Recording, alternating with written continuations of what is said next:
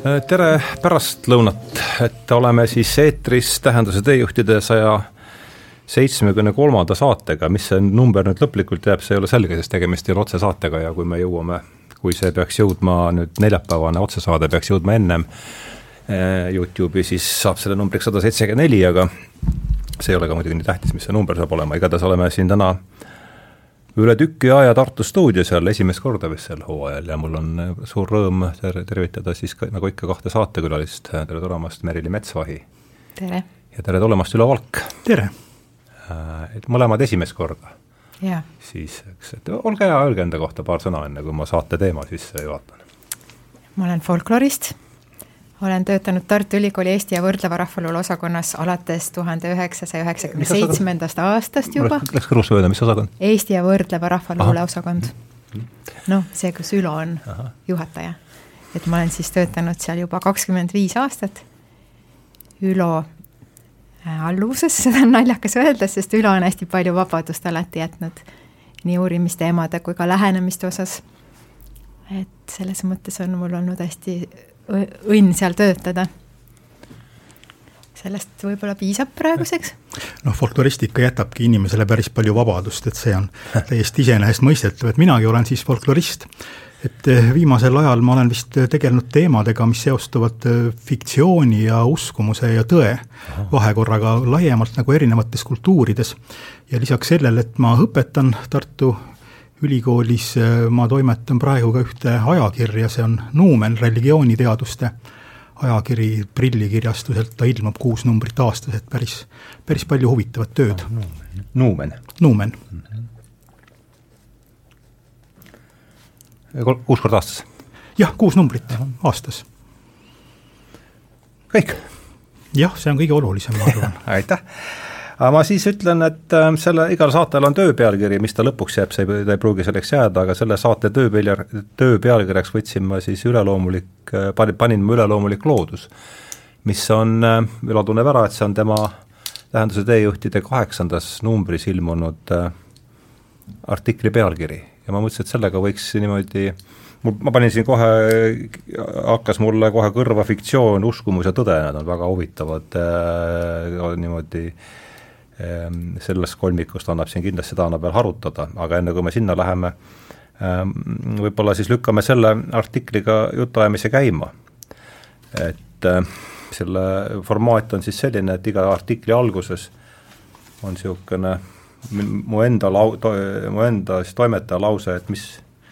see üks mõte sellest artiklist, mis ma, mis ma siis enda jaoks kaasa võtan ja siia ma olen kirjutanud, et Ülo Valk kirjutab, et kaugemas rah-, kaugemas Eesti rahvausundis puudus koht nii looduslikkusel kui üleloomulikkusel. et see on ju ometi hea küsi-, ja hea võimalus siis küsida nüüd, muidugi Ülo kirjutab sellest siin lähemalt, mida ta selle all mõtleb ja aga, aga kui me võtame seda vestlust siin nüüd iseseisva sellise ühikuna, et mis, millest siin jutt käib, miks ei olnud, et mis, avame selle lause tausta palun siis natukene lähemalt. jah, et me ju kõik vaatame ajas tagasi ja teame, et me mõtleme praegu hoopis teistmoodi kui inimene keskajal või, või varasel uusajal ja oskame ka selle üle mõelda, et milles siis see suurem erinevus on, et kui kunagi inimene elas maailmas, kuhu kuulusid maagia, üleloomulikud jõud, vaimud, haldjad, kindlasti inglid ja meie kultuurikeskkonnas jumal, taevased olendid loodus oli täis igasuguseid jõude, ka näiteks emotsioonid, tunded ei olnud midagi sellist, mis oli ainult inimesele omane, vaid äh, terve loodus oli, oli täis kõike, kõike seda, mis on inimlik, tänapäeval me räägime rohkem sellisest nagu eksklusiivsest humanismist või või inimeseks olemine on midagi sellist, mis nagu kõiki ja kõike, kõike muud välistab, siis, siis äh, sel ajal oli, oli maailm teistsugune. et kuidas see kõik alguse on saanud et see üleloomulikkuse sõna või mõiste eesti keelde tuli tõlkelaenuna saksa keelest, ilmselt äh, taustaks oli ka inglise keel, aga aga veel kaugem taust oli siis ladinakeelne mõiste supranaturalis mm, -hmm. mis viitab sellisele kristlikule arusaamale, et äh, on kõrgem tegelikkus, looja Jumal ja siis loodu, et kõik see, mis jääb selle looduse taha, see jääb meile varjatuks ja see on ka salapärane ja, ja mõistmatu. et mulle tundub, et me tänases saates räägime ka nendest erinevatest aegadest, erinevast maailmatunnetusest, mis selleni on, on viinud ja milles ongi siis see suurem erinevus aegade ja tunnetuste vahel? no ma lisaks, et looduse mõiste ju alles tekkis seitsmeteistkümnenda sajandi teisel poolel mm, -hmm. et seda kategooriat ei olnud enne. Noh, kultuur ja tsivilisatsioon on veel hilisemad, aga siis see looduse mõiste, kui see võeti Euroopa kõrgkihtides kasutusele, et siis ta oli ju vastandina nagu inim- või äh, inimühiskonnale või ühiskonna sõnaga ei olnud. No nagu ikkagi tsivilisatsioonile selles mõttes, et see kultuur tuli siis üheksateistkümnenda, kahekümnenda sajandi vahetusel, see mõiste ja siis tekkis see dualism veel, loodus ja kultuur ja, ja antropoloogia ja mis suunas nüüd edasi liikuda? Eh, mulle tundub, et noh, vähemasti see, eks ma olen samadel teemadel mõelnud äh,, aga tõenäoliselt või no, päris suure tõenäosusega siis teise nurga alt natuke, aga et kui et ma räägin, kuhu, mis konteksti mulle see jutt siiani haakub, et mulle minu jaoks haakub see, see seitsmeteistkümnenda sajandi pool ikkagi Descartes on jällegi esimene nimi, mis siin, kes siin sisse tuleb, et tema on see, kes lööb selle lõhe siis äh, äh noh, ühelt poolt üleloomulik, looduslik, see kohe kuidagi haakub res extensa, eks, loo-, looduslik res cogitans, siis üleloomulik või niisugune immateriaalne vaim, et aga et see on nüüd see, mis juhtub siis Euroopa kõrgkihtides seitsmeteistkümnendal, seitsmeteistkümnenda sajandi teisel poolel, eks, aga et selle saate kontekstis huvitab mind eelkõige see, et kuidas see Euroopa kõrg, kõrgkihtides toimunu siis nüüd, kui kiiresti ja mis vormis ta lõpuks siis siia jõuab, et siin on tõenäoliselt äh, just teie eriteadmistest minu meelest kõige rohkem, äh, need pakus kõige rohkem huvi, et et võib-olla hakkame siis sealt pihta, et kuidas, kuidas Descartes äh, Maarjamaale jõuab, et tol ajal internetti minu mäletamist mööda ei olnud, et ma räägiks enne veel selle Descartesi eelse aja Liivimaal mm, -hmm. sellepärast et siis on nagu kronoloogiliselt nagu õige järjestus. et äh, ma olen lugenud Johan Kutzlahvi raamatut, mida eesti keelde saaks tõlkida, lühike teade ja õpetus vääralt pühaks peetud Võhandu jõest Liivimaal mis ilmus tuhat kuussada nelikümmend neli. tuhat kuussada nelikümmend neli, jah. jah, ja selle äh, tellis, no kolmteist aastat varem oli loodud esimene trükikoda Liivimaal Tartus, või mitte Liivimaal, nagu Eesti alal, et siis Tartus, et seda sai juba trükkida ja trükikulud kandis äh, Hans Oom, mõisnik, et Sõmmerpalu mõisnik. tuhat kuussada nelikümmend neli, Descartes on elus veel siis nojah, Descartes on elus, aga tema ideed ei ole veel jõudnud Tartu, Tartusse, noh, ta, Tartu Ülikool oli juba loodud või Akadeemia Gustaviana ja Descartesi ideed jõudsid kiiresti Tartu Ülikooli, aga see oli sajandi lõpus ikkagi, et see ja, nagu sellel ajal ei, ei olnud. Enda jaoks ja, niimoodi ja, panin et, siin. et see oli natuke, see oli enne seda. jah, ja siis äh, see Hans Soom äh, oli kolinud tuhat kuussada kolmkümmend üks sinna Sõmmerpallu ise, oli saanud Gustav Adolfilt veel selle mõisa kingituseks ja siis ta kohe ehitas sinna vesiveski. see lagunes ära, sellel oli kehv, kehv vundament ja ehitaja ehitaja suri ära ja seda ei võetud kasutusele. siis ta otsis väga hea veskimeistri Saksamaa alalt ja siis lasi sellel äh, veskimeistril siis teha korraliku hea vundamendiga veski. ja see valmis, ma kirjutasin endale üles, tuhat kuussada nelikümmend, nii et kuussada nelikümmend hakati seda juba kasutama ja siis tuhande kuuesaja neljakümne esimesel aastal oli väga, väga halb ilm, sadas vihma ja rahet äh,, hästi külm oli, septembri alguses algasid hallad, nii et vili ikaldus ja noh, tänu sellele halvale ilmaolule on meil niisugune suurepärane dokument või noh, nüüd läks veel edasi, et see tuhat kuussada nelikümmend üks oli üleüldse kõige külmem aasta, mis on Skandinaavias kunagi fikseeritud pärast jääaega. et see oligi see väikese jääaja kõrgperiood tegelikult.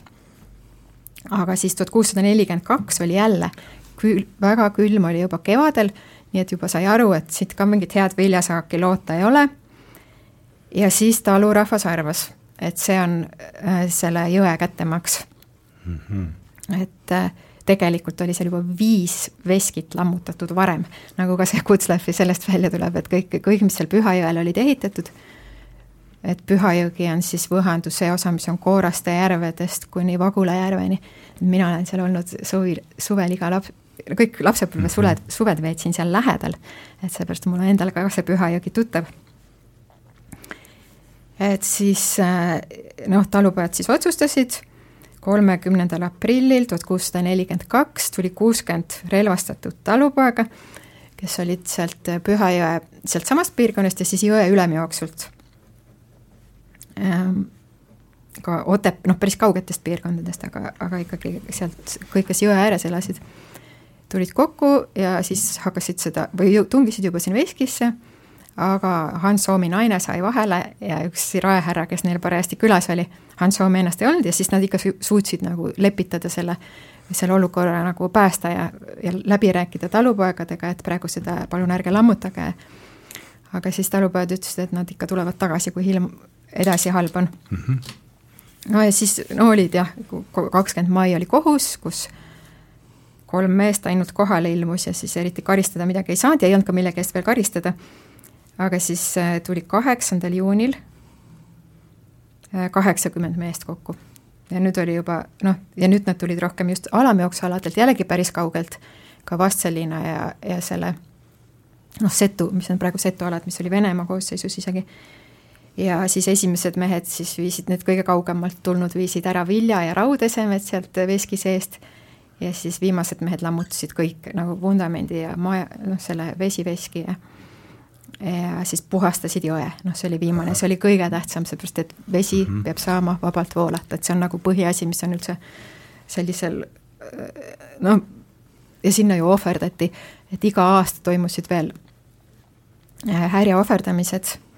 ja Eesti, see on üldse esimene eestikeelne rahvaluule üleskirjutus, mis on tervikuna säilinud, on see pikk see palve,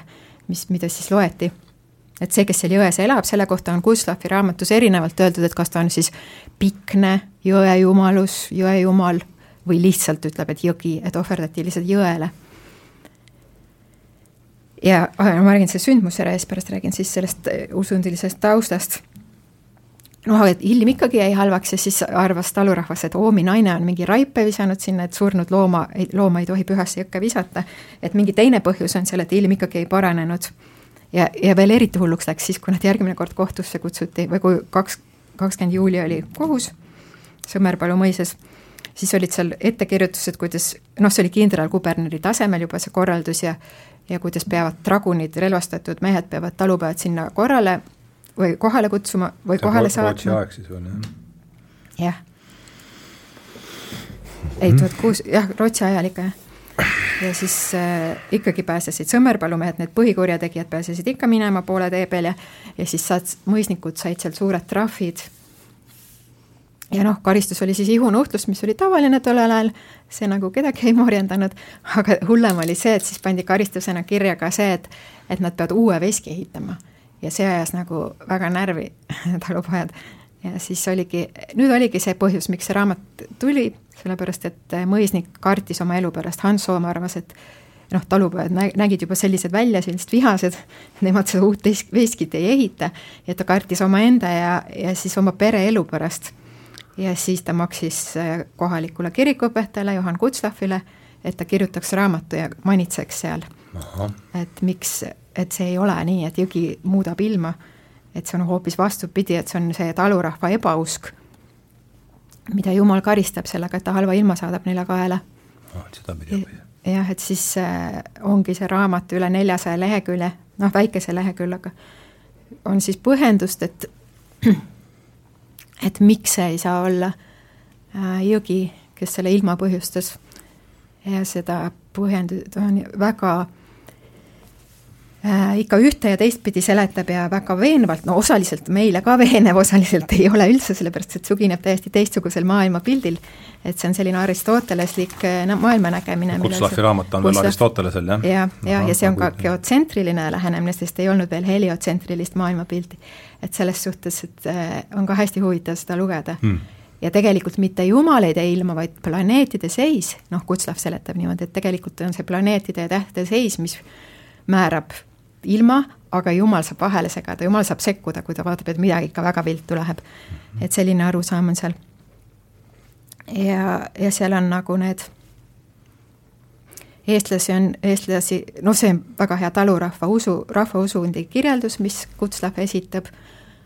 aga eestlasi ta ikkagi vaatab seal kui ebausklikke, ma kirjutasin isegi välja neid sõnu sealt, mis on saksa keele, noh, tõlged saksa keelest, et ebausklikud, paganlikud, isegi pimedad paganad, uskmatud, mõistmatud, äh, lihtsameelsed, jõeteenrid, siis kuidas nad eksivad kümne käsu vastu, kuidas nad äh, ei tea, kes on Kristus, noh, isegi küsid, mitu jumalat on, nad ei oska vastata, mitu jumalat on, nad ei saa aru lunastuse mõistest midagi, nad ütlevad, et nad ei ole patused, sest nad ei ole midagi halba teinud, et ei saa aru ülestõusmisest, ei saa üldse kristliku, noh, kristlikust usust väga vähe teavad. kuna Kutslav mm -hmm. oli ise tulnud Saksamaalt mitte väga ammu, noh, kolmekümnendatel ta veel õppis mm, ülikoolides Saksamaal ja siis äh, ta oli üsna värske seal piirkonnas, et siis tal oli eriti eks see olukord pärast Põhjasõda oligi väga hirmus, et seal oli nagu kirikud olid väga halvas seisus, pastoraadid olid lagunenud, kirikuõpetajaid oli vähe, noh, olid ära surnud, olid nagu mõisnikud maksid sellistele kirikuõpetajatele, kes ei olnud mitte eriti asjatundlikud, vaid kes nõudsid vähem või võtsid vähem raha, et siis nagu olukord oligi hull. ja mis on hästi huvitav veel selle raamatu puhul, et seal on Äh, Kutslav kirjutab, et äh, mitte ainult talurahvas ei uskunud seda, et jõgi suudab ilma muuta, vaid ka sakslased, nende hulgas isegi kiriku, mõni, mõni kirikuõpetaja, mhm. pluss veel ta ühes kohas ütleb, et äh, Tartu professorid, et noh, seda ta ei ütle nii otse, aga ta ütleb, et tema kau-, noh, kõrvu on jõudnud kuuldused, et isegi mõni Tartu professor ja kuulu järgi isegi härra superintendent usuvad sellesse aga no raamatus, raamatutesse nad seda ei saaks kirjutada, sest tsensuur on vahel mm.. et, et tegelikult on hästi noh, suhtub talupoegadesse ikkagi väga hästi, kui võrrelda neid just nimelt selle superintendendi Herman Samsoniga, kes tookord oli, või Paul Einhorn või Johann Forselius, Ludwig Tunte, et nemad kõik ikkagi suhtuvad alavääristavalt talupoegadesse. aga Kutslav võtab ikkagi tõsiselt nagu seda talupoegade seisukohta ka ja siis püüab ratsionaalselt seda siis ümber lükata, et et ta ikkagi väga-väga nagu veenvalt no oma, omas kontekstis hästi veenvalt ja pikalt ja põhjalikult seletab kõike seda, et et miks nii ei saa olla, nagu talupojad usuvad ja nagu sakslasedki juba on hakanud nagu üle võtnud juba sak-, noh, eestlastelt selle ebausu ja ja juba usuvad neid samu asju, et see on nagu jah, ei olegi nii üllatav tegelikult, et kui võtta et seda, mis ta ise seal kirjutab, et ta kirju-, kirjutab küll, et jõel ei ole elu, jõel ei ole käsi jalgu, jõel ei ole mm -hmm. mõistust, noh selliseid lauseid kirjutab seal. Kutslav siis jah? Kutslav jah, aga samas kui nagu noh, jah, et seda ta juba ütleb, see näitab, et, et noh, ikkagi võib-olla usute, et jõel on elu, aga samas ta nagu päris seda ise ka sada protsenti ei usu, et ühelgi veekogul ei ole elu või tundeid, seepärast et ta kirjutab, et Saksamaa noh, seal praeguse Saksamaa piirkonnas, seal küll on üks jõgi, kus või mitte jõgi, vist järv või mis oli veekogu, kus Pilatus pesi käsi või, või mis see on see motiiv, et piibliga seotud, vot see, see jõgi küll reageerib, kui temasse, kui teda rüvetada, või see veekokku seal järv vist, et kui see. sinna visata midagi, et siis ta hakkab kohisema ja pahisema ja häält tegema. seda räägib Kutslav ise? seda räägib Kutslav ise. ja huvitav, noh, need põhjendused ka, ma praegu nagu ei vaadanud kõiki üle, aga hästi huvitav oleks nagu no kellegiga veel rääkida, kes Aristotelest tunneb, sellepärast et seal on need Aristotelese noh, põhjuslikkuse neli mm -hmm. kategooriat ja siis nende järgi ta ka nagu üks peatükk ongi minu meelest nagu kolmas, see liikuv äh,, mis see põhjus, liikuv. vormiv, toimiv äh,, aineline, aineline, toimiv, vormiv ja eesmärk no toimiv põhjus, siis näiteks ta kirjutab, et, et aga mõned siis mõtlevad äkki, et see veski suudab ilma muuta, aga veski ka ei suuda, sest veski ka ei ole elus, sellepärast et need puud, mis, mida kasutati veski ehitamiseks, et need on juure pealt maha võetud, et see on juba surnud puu, et siis, kui ta juured veel maas olid, siis ta oli noh, siis ta suutis näiteks seal neid tõuke või ussikesi peletada, aga nüüd ta ei suuda, et see on surnud puu mm. -hmm. noh, et need mõttekäigud on noh, meile praeguse niisugune kartesiaanliku seisu, dualistlike mõtlejatele kummalised kohati aga hästi huvitav on seda lugeda. aga võtame, mis, mis mõtted sinus, Ülo, see Nii, ja, kirjeldatud episood? tekitab igasuguseid mõtteid, et see on hästi-hästi põhjalik, detailne, väga dramaatiliste sündmuste ja. ülevaade ja kokkuvõte. saadi ju vitsa selle eest isegi nojah, siin neid konflikte on tõesti nii, nii mitmel tasandil, et ühelt poolt see kõrgteoloogiline vaade, luterlik vaade, seesama üleloomulikkuse teema, et loodus ise ei tegutse, vaid mm -hmm. Jumal on ainult, ainult see, kes, kes looduse keeles suudab endast võib-olla, võib-olla märku anda. see on nüüd luterlik arusaam, eks? see oleks ja. luterlik arusaam ja.. jah, et äh, loodus võib küll, küll kõnelda mingis märkide keeles, aga kui need märgid on, siis on need äh, sellised jumalikud märgid. ja see aeg on ju väga lähedal katoliku perioodile Lõuna-Eestis, et alles äsja oli lõppenud ära Poola riigi ülemvõim seal mõnikümmend aastat, aastat tagasi. et siin kindlasti on, on varjul ka sellised katoliikluse ja, ja luterluse omavahelised vastuolud ja minu jaoks niisugune huvitav on näiteks see, et Kutslav ei too sisse sellist demonoloogilist vaadet, tegemist ei ole mingite nõiduse süüdistustega, vaid see on selline tervemõistuslik võitlus ebausu vastu. kuigi ajastu oli ju see, kui, kui Eestis oli veel palju nõiaprotsessi, see oli nõiaprotsesside kõrgaeg, et et Herman Samson, keda Merili, sa siin nimetasid, oli ju see, kes pidas Riia toomkiriku superintendent need üheksa kurikuulsat nõiajutlust, kus ta kutsus üles nõidu paljastama ja, ja nõiduse vastu võitlema. et selline kuidagi tundub olevat selline nagu eel, eelvalgustuse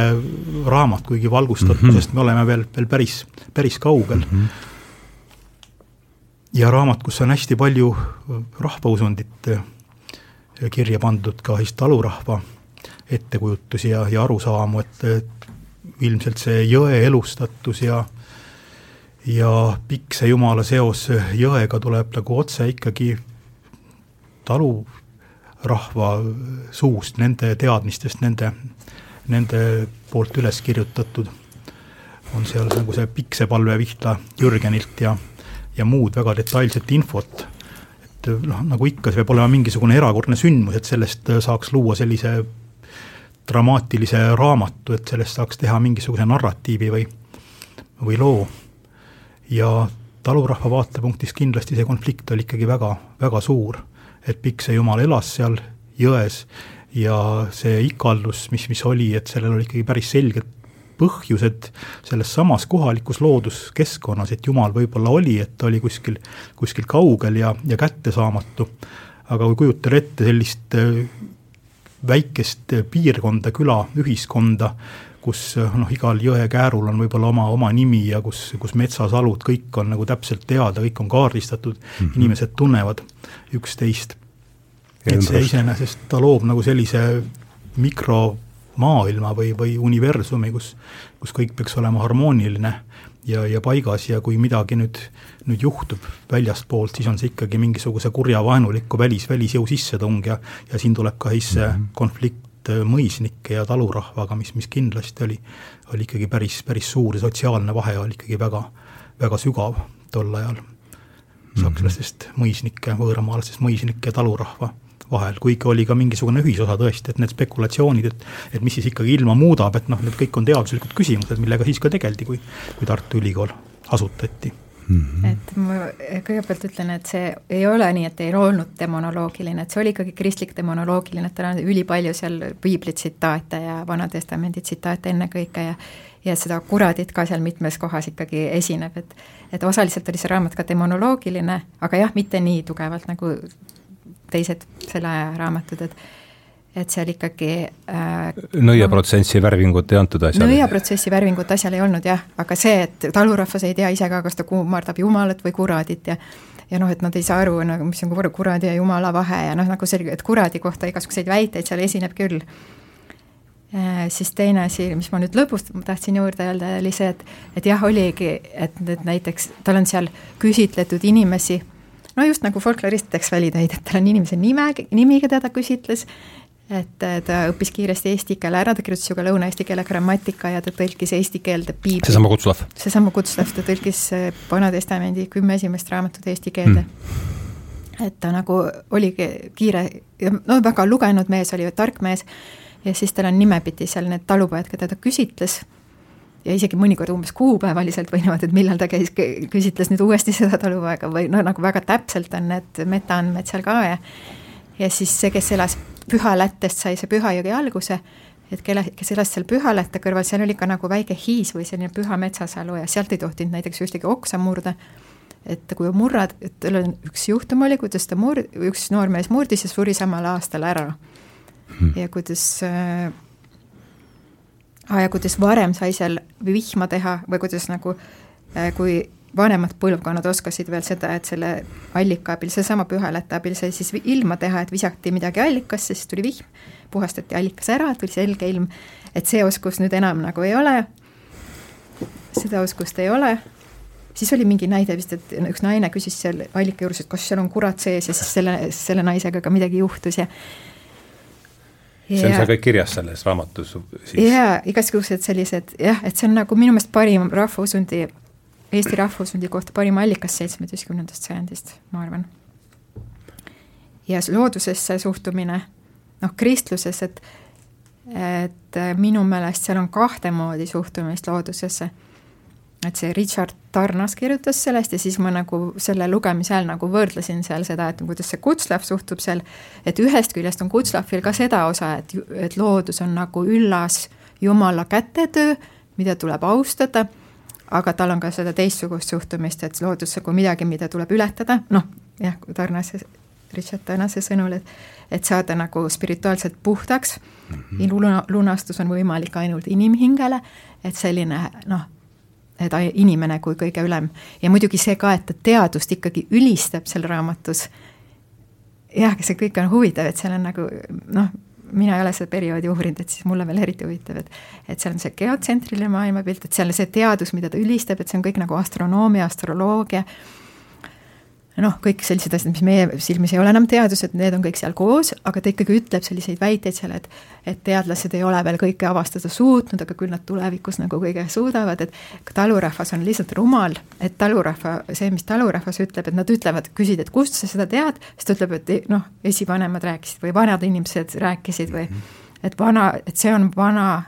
usk, meie vana usk, seal on eestikeelseid fraase ka sees, ma ei mäleta nüüd täpselt neid, mis need olid, aga aga et noh, nii ikka räägiti, et see ei ole mingi teadmine, see ei ole, et see on lihtsalt see, kui keegi räägib, see ei ole, isegi kui ingel taevas seda ütleb, niimoodi saan tal ka veel põhjendada, et isegi see ei ole kohe otseselt teadmine. ei ole veel, ei ole veel teadus, teaduspõhine. siis ei ole ammugi, nojah no mulle tundub, et sellise ühel sellist pisut kõrgemal abstraktsiooni tasandil me näeme, mina näen siin nagu kolme, kolme nurka siin käisid juba läbi, et ühelt poolt siis see Luteri reformeeritud kirik, teiselt poolt rahvausund ja aga seal vahel ka siis see katoliku, katoliku see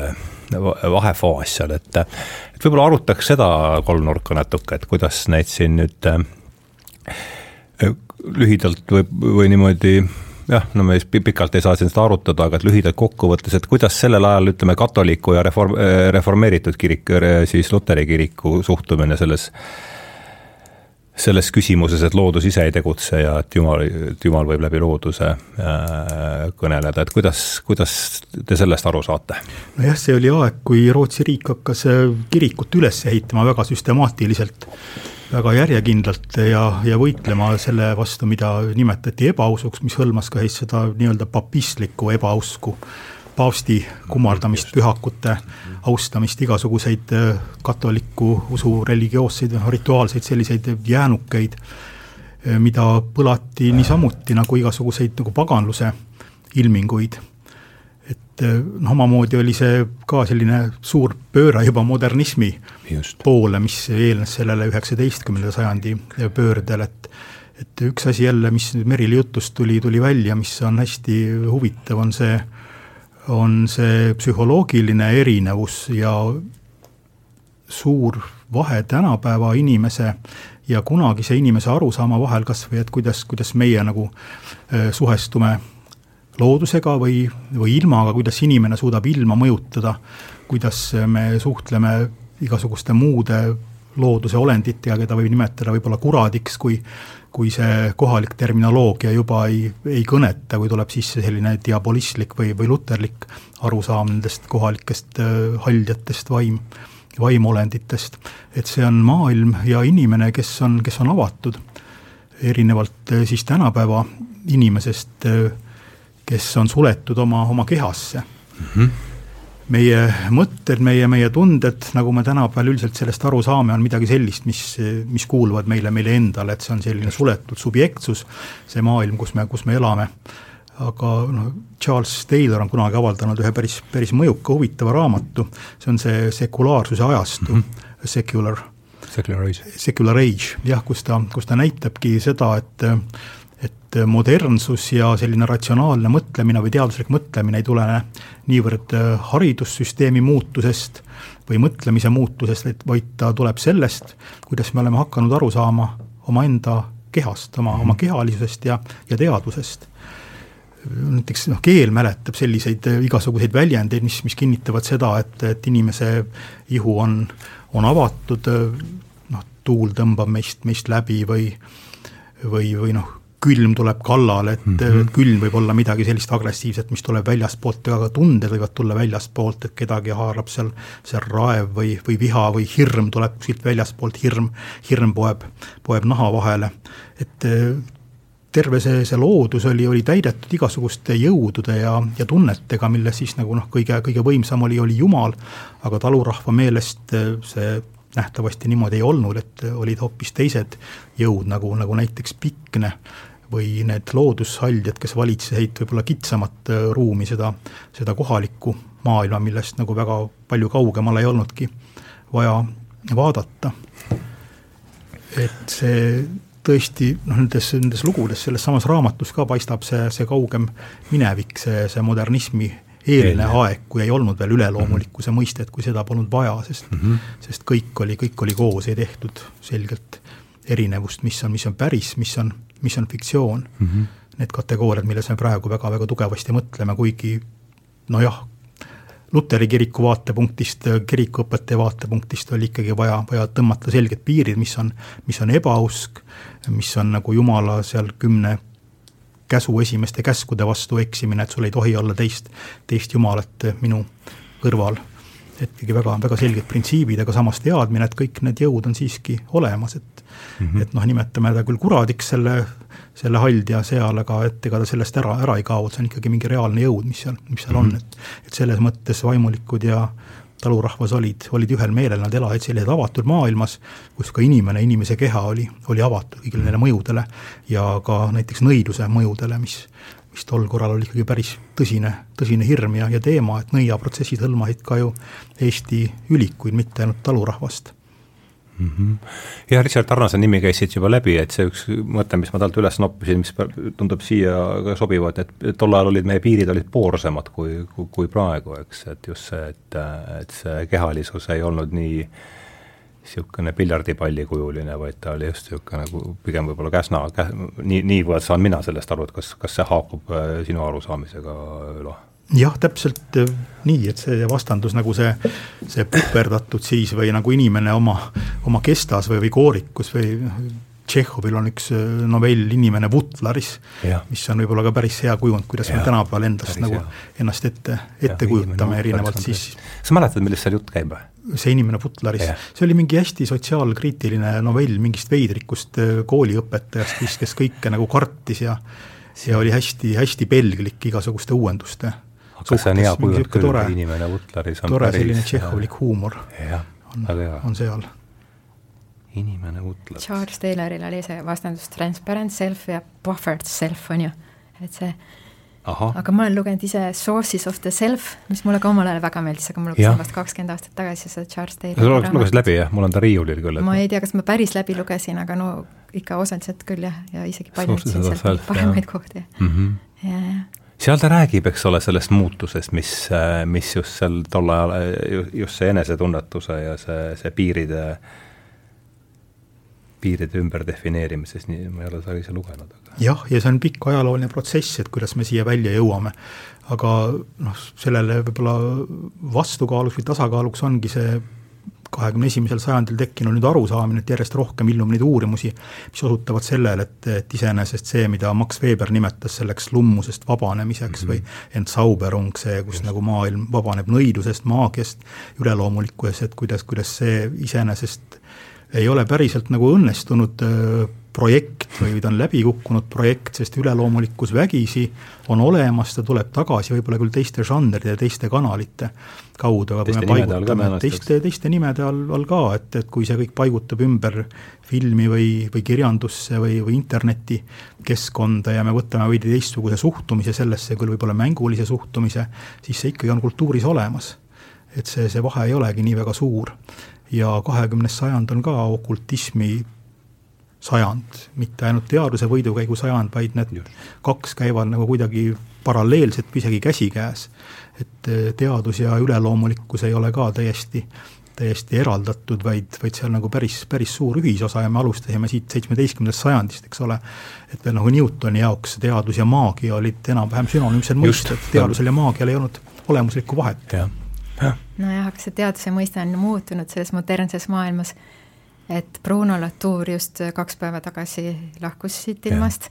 et mina arvan, et see Bruno Latouri, noh, see raamatu pealkiri juba, et me ei ole kunagi olnud modernsed, et see on juba nii hea et.... kas see on Latouri raamatu pealkiri või? on ju? jah, jah, jah, see on ka eesti keeles, jah, see on ka eesti keeles. me ei ole kunagi olnud modernsed jah, see kõlab ka paljulubavalt. jaa, see on ja. väga hea raamat, et seal ta just räägib, kuidas äh, on ühelt poolt siis see materiaalne maailm, loodus mis nagu noh, modernsest maailmavaatest mm. ma räägin praegu, et modernsele inimesele siis peaks nagu olema see loodus, see, mida ei saa muuta, mis on väljas olemas, mis on see, ja siis mm. teine on see ühiskond, äh, mis on sotsiaalne, noh, need on nagu täiesti kaks eraldi entiteeti või repertuaari, kuidas ta eri kohtades nagu erinevalt nimetab neid, ja siis seal vahel on diskursus. Et siis moodne, moodsa teaduse järgi peaks nagu diskursus neid vahendama, noh, omavahel. Ja aga tal ei ole, nad ei ole nagu ühismõõdulised või noh, see on nagu noh, ongi niimoodi, see tänapäeva peavooluteadus endiselt selline, aga nüüd hakkab asi natuke muutuma viimasele paremuse poole, aga aga tõepoolest ju need representatsioonid või et mis need siis seal need vahel on või ütleme niimoodi, et mitte ühiskond, vaid ütleme siis inimene ja maailm noh, see on sama dualistlik printsiip põhimõtteliselt mm, -hmm. mis moodsas teaduses on ju, et et inimene ja maailm ja siis seal vahel on siis keelesüsteemid või representatsioonid või kultuurimudelid või kus, kuidas iganes lähenemisega neid nimetatakse, diskursus, narratiiv mm, -hmm. et see siis peaks nagu tegema nendest nagu, aga see ei tee nendest ühte, see, see on kunstlik.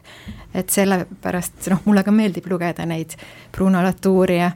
noh, kes on niisugune antikartesiaan või siis Tim Ingoldit, kes Tim Tim Ingold. Tim Ingold. noh, kes on nagu kirjutanud uh, The Perception of Environment hmm. ja What is an animal ja viimane raamat on tal, mul on see pooleli, aga see on väga hea. kuidas see esimene What, what is an environment või uh,? The Perception ah,. Perception of environment, jah hmm. ja viimane raamat on tal see Imagining the real oli ju, jah ja,? Ja. see on mul pooleli, aga see on, noh, ta läheb nagu, liigub aina rohkem edasi sellest äh, kus ta vist alguse, noh, alguses ta oli ikka teadlane, ta on jäänud ikka akadeemiasse, aga ta nagu väga hästi eh, noh, liigub selles suunas, kuhu ongi vaja liikuda välja sealt modernismist ja postmodernismist, mis tegelikult ikkagi oli samade, sa-, noh, toimis samas raamistikus, kus modernism lihtsalt hakkas nagu natuke kritiseerima, eitama, aga tegelikult ta sealt välja ei liikunud, et eh, noh, jah, aga nüüd hakatakse nagu sealt välja liikuma niimoodi vaikselt. mis ma tahtsin Ingoldi kohta öelda jah, et seal viimases raamatus ta siis see osa, mis ma olen juba lugenud, et ma veel noh, seda seletada ei oska, kuigi seda oleks ka tore nagu siin saates lahata, aga aga et seal on see äh, taju ja siis kujutlus, et nende vahel ei ole selget piiri mm. -hmm et see oli, noh, seda käsitleb ühe teemana seal, aga seal on veel teisi hästi, hästi-hästi huvitavaid. jaa, see oli huvitav mõte, ma intervjueerisin, äh, see oli ah, lehes kuusteist intervjueerisin ühte USA ökoloogi David Abramit, kus ta ütleb, et kujutlusvõime äh, ei ole mitte see, et nagu oleme harjunud, et see on, et see on see, millega me loome, et romaane või et, et see on niisugune, on võime luua mingeid äh, kujutluspilte, vaid ei, et see on, ta nimetab seda taju lõiketeraks, et kujutlusvõime ja taju on enda just, et just see, mulle meeldis see kujund, et äh, kujutlusvõime on taju lõiketera, et ta on see, see, kuidas me maailma näeme, seal on kujutlusvõime roll palju-palju aktiivsem, kui me, me, me, me, me arvame, et mis te sellest mõttest arvate? Jah, Imagining for real oli vist selle Tim Ingoldi viimase ja. raamatu ja. pealkiri, et jah, kujutlemine on ju jah, see võime, mis meil on mõelda sellest, mis ei ole nagu silmaga, silmaga nähtav. tuua see, see meel, meelde ja, ja mõtetesse ja, ja, ja tegelikkusesse, et teine autor, kes on ka neist teemadest kirjutanud, kes on teinud ka väga palju psühholoogilisi eksperimente,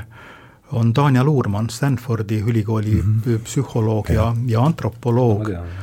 kes on nüüd viimane, viimane raamat oli tal, kuidas Jumal muutub reaalseks, How, how God becomes real, ja, ja näitab, et noh, kujutlusega koos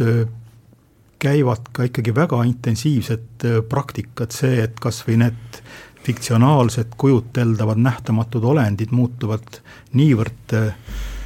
võimsaks, niivõrd oluliseks, et nendega tekib selline dialoogiline suhe või intiimne suhe, et, et see eeldab ikkagi väga, väga suurt äh, tööd. palved, rituaalid mm, -hmm. kõik see, mis selle kultuuri loob, et see, see tuleb siia, siia juurde. aga kujutlus kui, kui jõud on jah, midagi, midagi sellist ju, mis seob nii, nii folkloori kui, kui teadust, rahvausundit ja, ja teoloogiat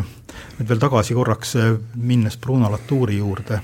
seesama raamat Me ei ole kunagi olnud modernsed, kus ta väljendab ka seda, sedasama mõtet, et noh, iseenesest see, et et me elame mingisuguses uues teistsuguses teaduslikus ratsionaalses maailmas, et see on omamoodi illusioon, et me mm -hmm. mõtleme siiski nendes samades vanades mm -hmm. kategooriates, kus äh, noh, loodus ja, ja kultuur on läbi põimunud või me tegelikult, me üldse nendes kategooriates ei mõtlegi, me lihtsalt elame oma, oma elu selles, selles maailmas nii, nii nagu ta on. Ja need noh, diskursus või need representatsioonid, et siin noh, siin võime küsida, et jällegi väga suur erinevus, et kuidas varem nähti maailma ja kuidas nagu teaduslik kirjeldus või ka nagu noh, postmodernistlik kirjeldus seda näeb, küsimus selles, et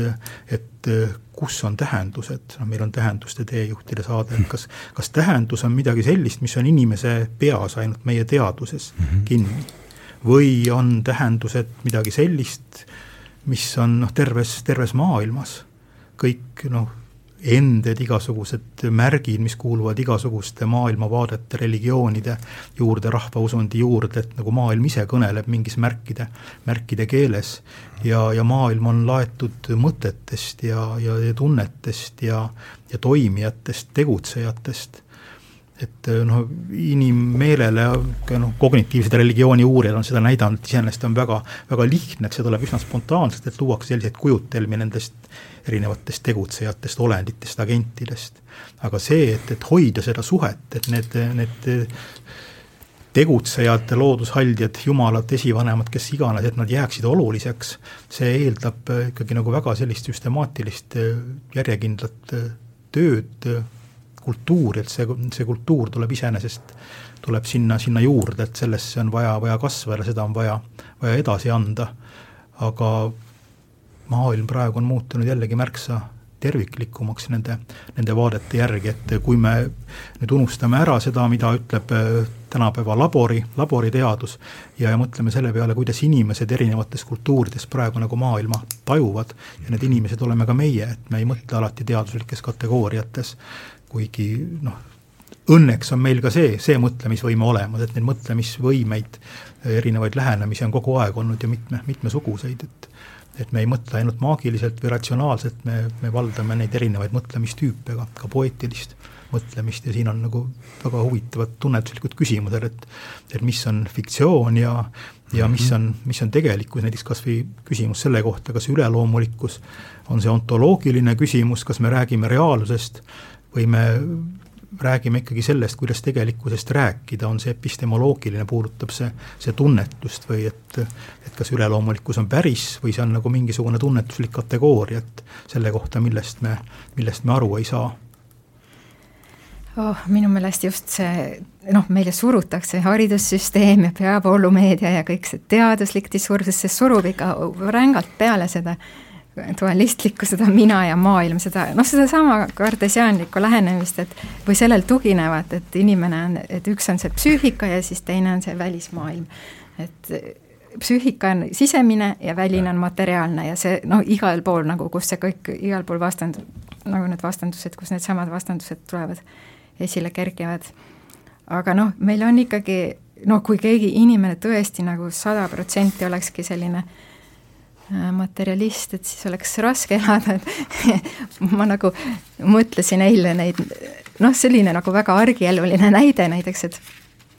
et ma võtsin nagu viimasel ajal hääletajaid ei saa väga auto peale võtta, sest ei ole hääletajaid maantee ääres. aga kaks viimast hääletajat, kelle ma võtsin, e-, üle-eelmine oli, ütlesid mulle, et ma ei usu mitte millessegi, et ei jumalasse ega mitte millessegi. aga kui meie auto ees sõidab auto, kus on kolm sama numbri, noh, numbrimärgil kolm sama numbrit, et vot sellesse ma usun küll, et siis läheb mul sellel päeval hästi. et minu meelest me saamegi elada ikka tänu nagu nendele lõhedele, mis seal teaduslikus maailmapildis on, et ükskõik, kuidas meile surutakse. viimane hääletaja ütles muidugi, et et tema ei ole kuna koroonaviiruses kunagi olnud, sest ta ei usu, et see haigus on olemas, et ta arvab, et sellele külge ei hakka, kes ei usu sellesse. et ikkagi need inimesed, noh, kes ma võtan peale, et nad ei ole vaatamata sellele mitmesaja aastasele ajupesule sellele teaduslikule tänapäeva, sellele, et nad ei ole nagu seda omaks võtnud. ei ole, ei ole muutunud tõend, tõendipõhiseks, põhiseks. ja Latour, ma kirjutasin välja ühe Latouri väljendusviisi, seda saab teistmoodi ka sõnastada et kui Latour kirjutas, et enda kehtestamiseks mobiliseerib äh, noh, kollektiiv, siis enamik maailma kollektiive, ühiskondi, kogukondi mobiliseerivad vaime, esivanemate vaime, hingi, päikest, kuud, äh, noh, kõike sellist nagu käegakatsutavat, et siis meie mobiliseerime enda kehtestamiseks või moodne teaduslik inimene kehtest-, mobiliseerib enda kehtestamiseks siis äh, nagu näiteks geneetikat ja, ja, ja arstiteaduse harusid ja ja noh, selliseid nagu hästi abstraktseid ja kaugeid ja kogemuskaugeid ja arusaamatuid asju, et kui nii tõesti oleks, et siis olekski noh, siis ei olekski tähend-, et seda saab teistmoodi sõnastada minu meelest niimoodi, et siis mitte, et mobiliseerib nagu enda kehtestamiseks, vaid mis on talle tähenduslik. et kui inimesel olekski ainult tähenduslik see väline materiaalne, see selline või kui noh, et ta võtakski nagu puhtalt dualistlikult sellist, sellise lähenemisviisi omaks, et siis oleks nagu õnnetu lugu küll. et see tähenduslikkus tuleb ikka nendest pragudest, nagu see numbrimärk, mis seal on kolm sama numbrit, et temale tuleb see tähendus just sealt, nagu et tal läheb see päev hästi, et need, et minu meelest jah, et see on ju maailma ajaloos nii haruldane see Descartesist praeguseni, et see on ju no totaalselt, ei ole ühtegi teist kultuuri olnud sellist, sellise nägemisega või, või inimene ja loom, kus on noh, totaalselt nagu kaks eraldi kategooriat. noh, kui Descolast rääkida, et siis noh, tema nimetab naturalistlikuks seda lähenemist, on ju, loodusele, mis meil on. et, et kui oli animismis, oli see, et, et inimene ja loom olid siis sisemuse poolest samad, aga väliselt erinevad, siis nüüd, või animismis, ma ütlesin õigesti, jah, ja naturalismis on siis vastupidi, et sisemuselt on äh, inimene ja loom erinevad, aga väliselt on siis samad materiaalsed olendid mm, -hmm. et jah, et see on ja. ju ka see naturalism, et see on ju väga-väga haruldane, seda ei ole olnud tuhandete või kui palju on see maailmal, maailmas olnud kultuure, et et ei ole seda olnud üheski teises kultuuris, mitte ühelgi teisel perioodil. et see ei saa ka igavesti kestma jääda siin meie lääne ühiskonnas, et äh, täitsa kindel kohe. aga tahad sa lisada midagi? jah, et me elame ju väga unikaalses maailmas, see on see on täiesti tõsi ja iseenesest nagu noh, folklorist märkab just neid väga põnevaid selliseid nagu lõhesid tänapäeva maailmapildist, need noh, sa ütlesid, küsisid tõend, tõenduspõhisuse kohta, et see on üks mopp, moop, samasugune mops poes nagu jätkusuutlikkus ja innovatsioon ja, ja kõik, see siin kõik on meil. see moodne sõna, aga, aga see ongi tõendus, see ongi narratiiv, see on lugu, see on kogemuslugu, mis, mis ongi, mis ongi tõendus. ja küsimus tõendusest, et mis midagi tõendab, on tegelikult, on nagu väga-väga oluline. ja, ja väga suurel määral sellised nagu usundilised äh, maailmapildid, äh, mida ma ei pea üldse mitte kuidagi primitiivsemaks, nad võivad olla palju keerukamad ja, ja süstemaatilisemad kui teaduslik maailmapilt. aga nad, nad põhinevad narratiividel, lugudel. et mingi religioon luua, selleks peab olema sul ikkagi mingisugune väga-väga hea meeldejääv lugu või, või veel parem raamat või, või kogumik lugusid. ja, ja kui seda ei ole, siis nagu noh, folkloorses keskkonnas ringlevad mingisugused kogemusjutud, mis, mis loovad selle, selle keskkonna, mis on ka nagu koha, kohapärimus on folkloristil üks olulisi märksõnu praegu ja, ja teemasid. aga need kogemuslikud lood mingitest paikadest, mis seal on juhtunud, mis, mis markeerivad ära mingisuguse keskkonna kui kuidagi teistsuguse või, või erilise et need, need narratiivid, need, need väiksed lood, mida folkloristid on nimetanud muistenditeks või inglise keeles legend või ka memoraatideks, isiklik kogemus, jutt, et noh, need on väga, väga põnevad ja, ja neid tänapäeval leiab väga-väga palju, näiteks eile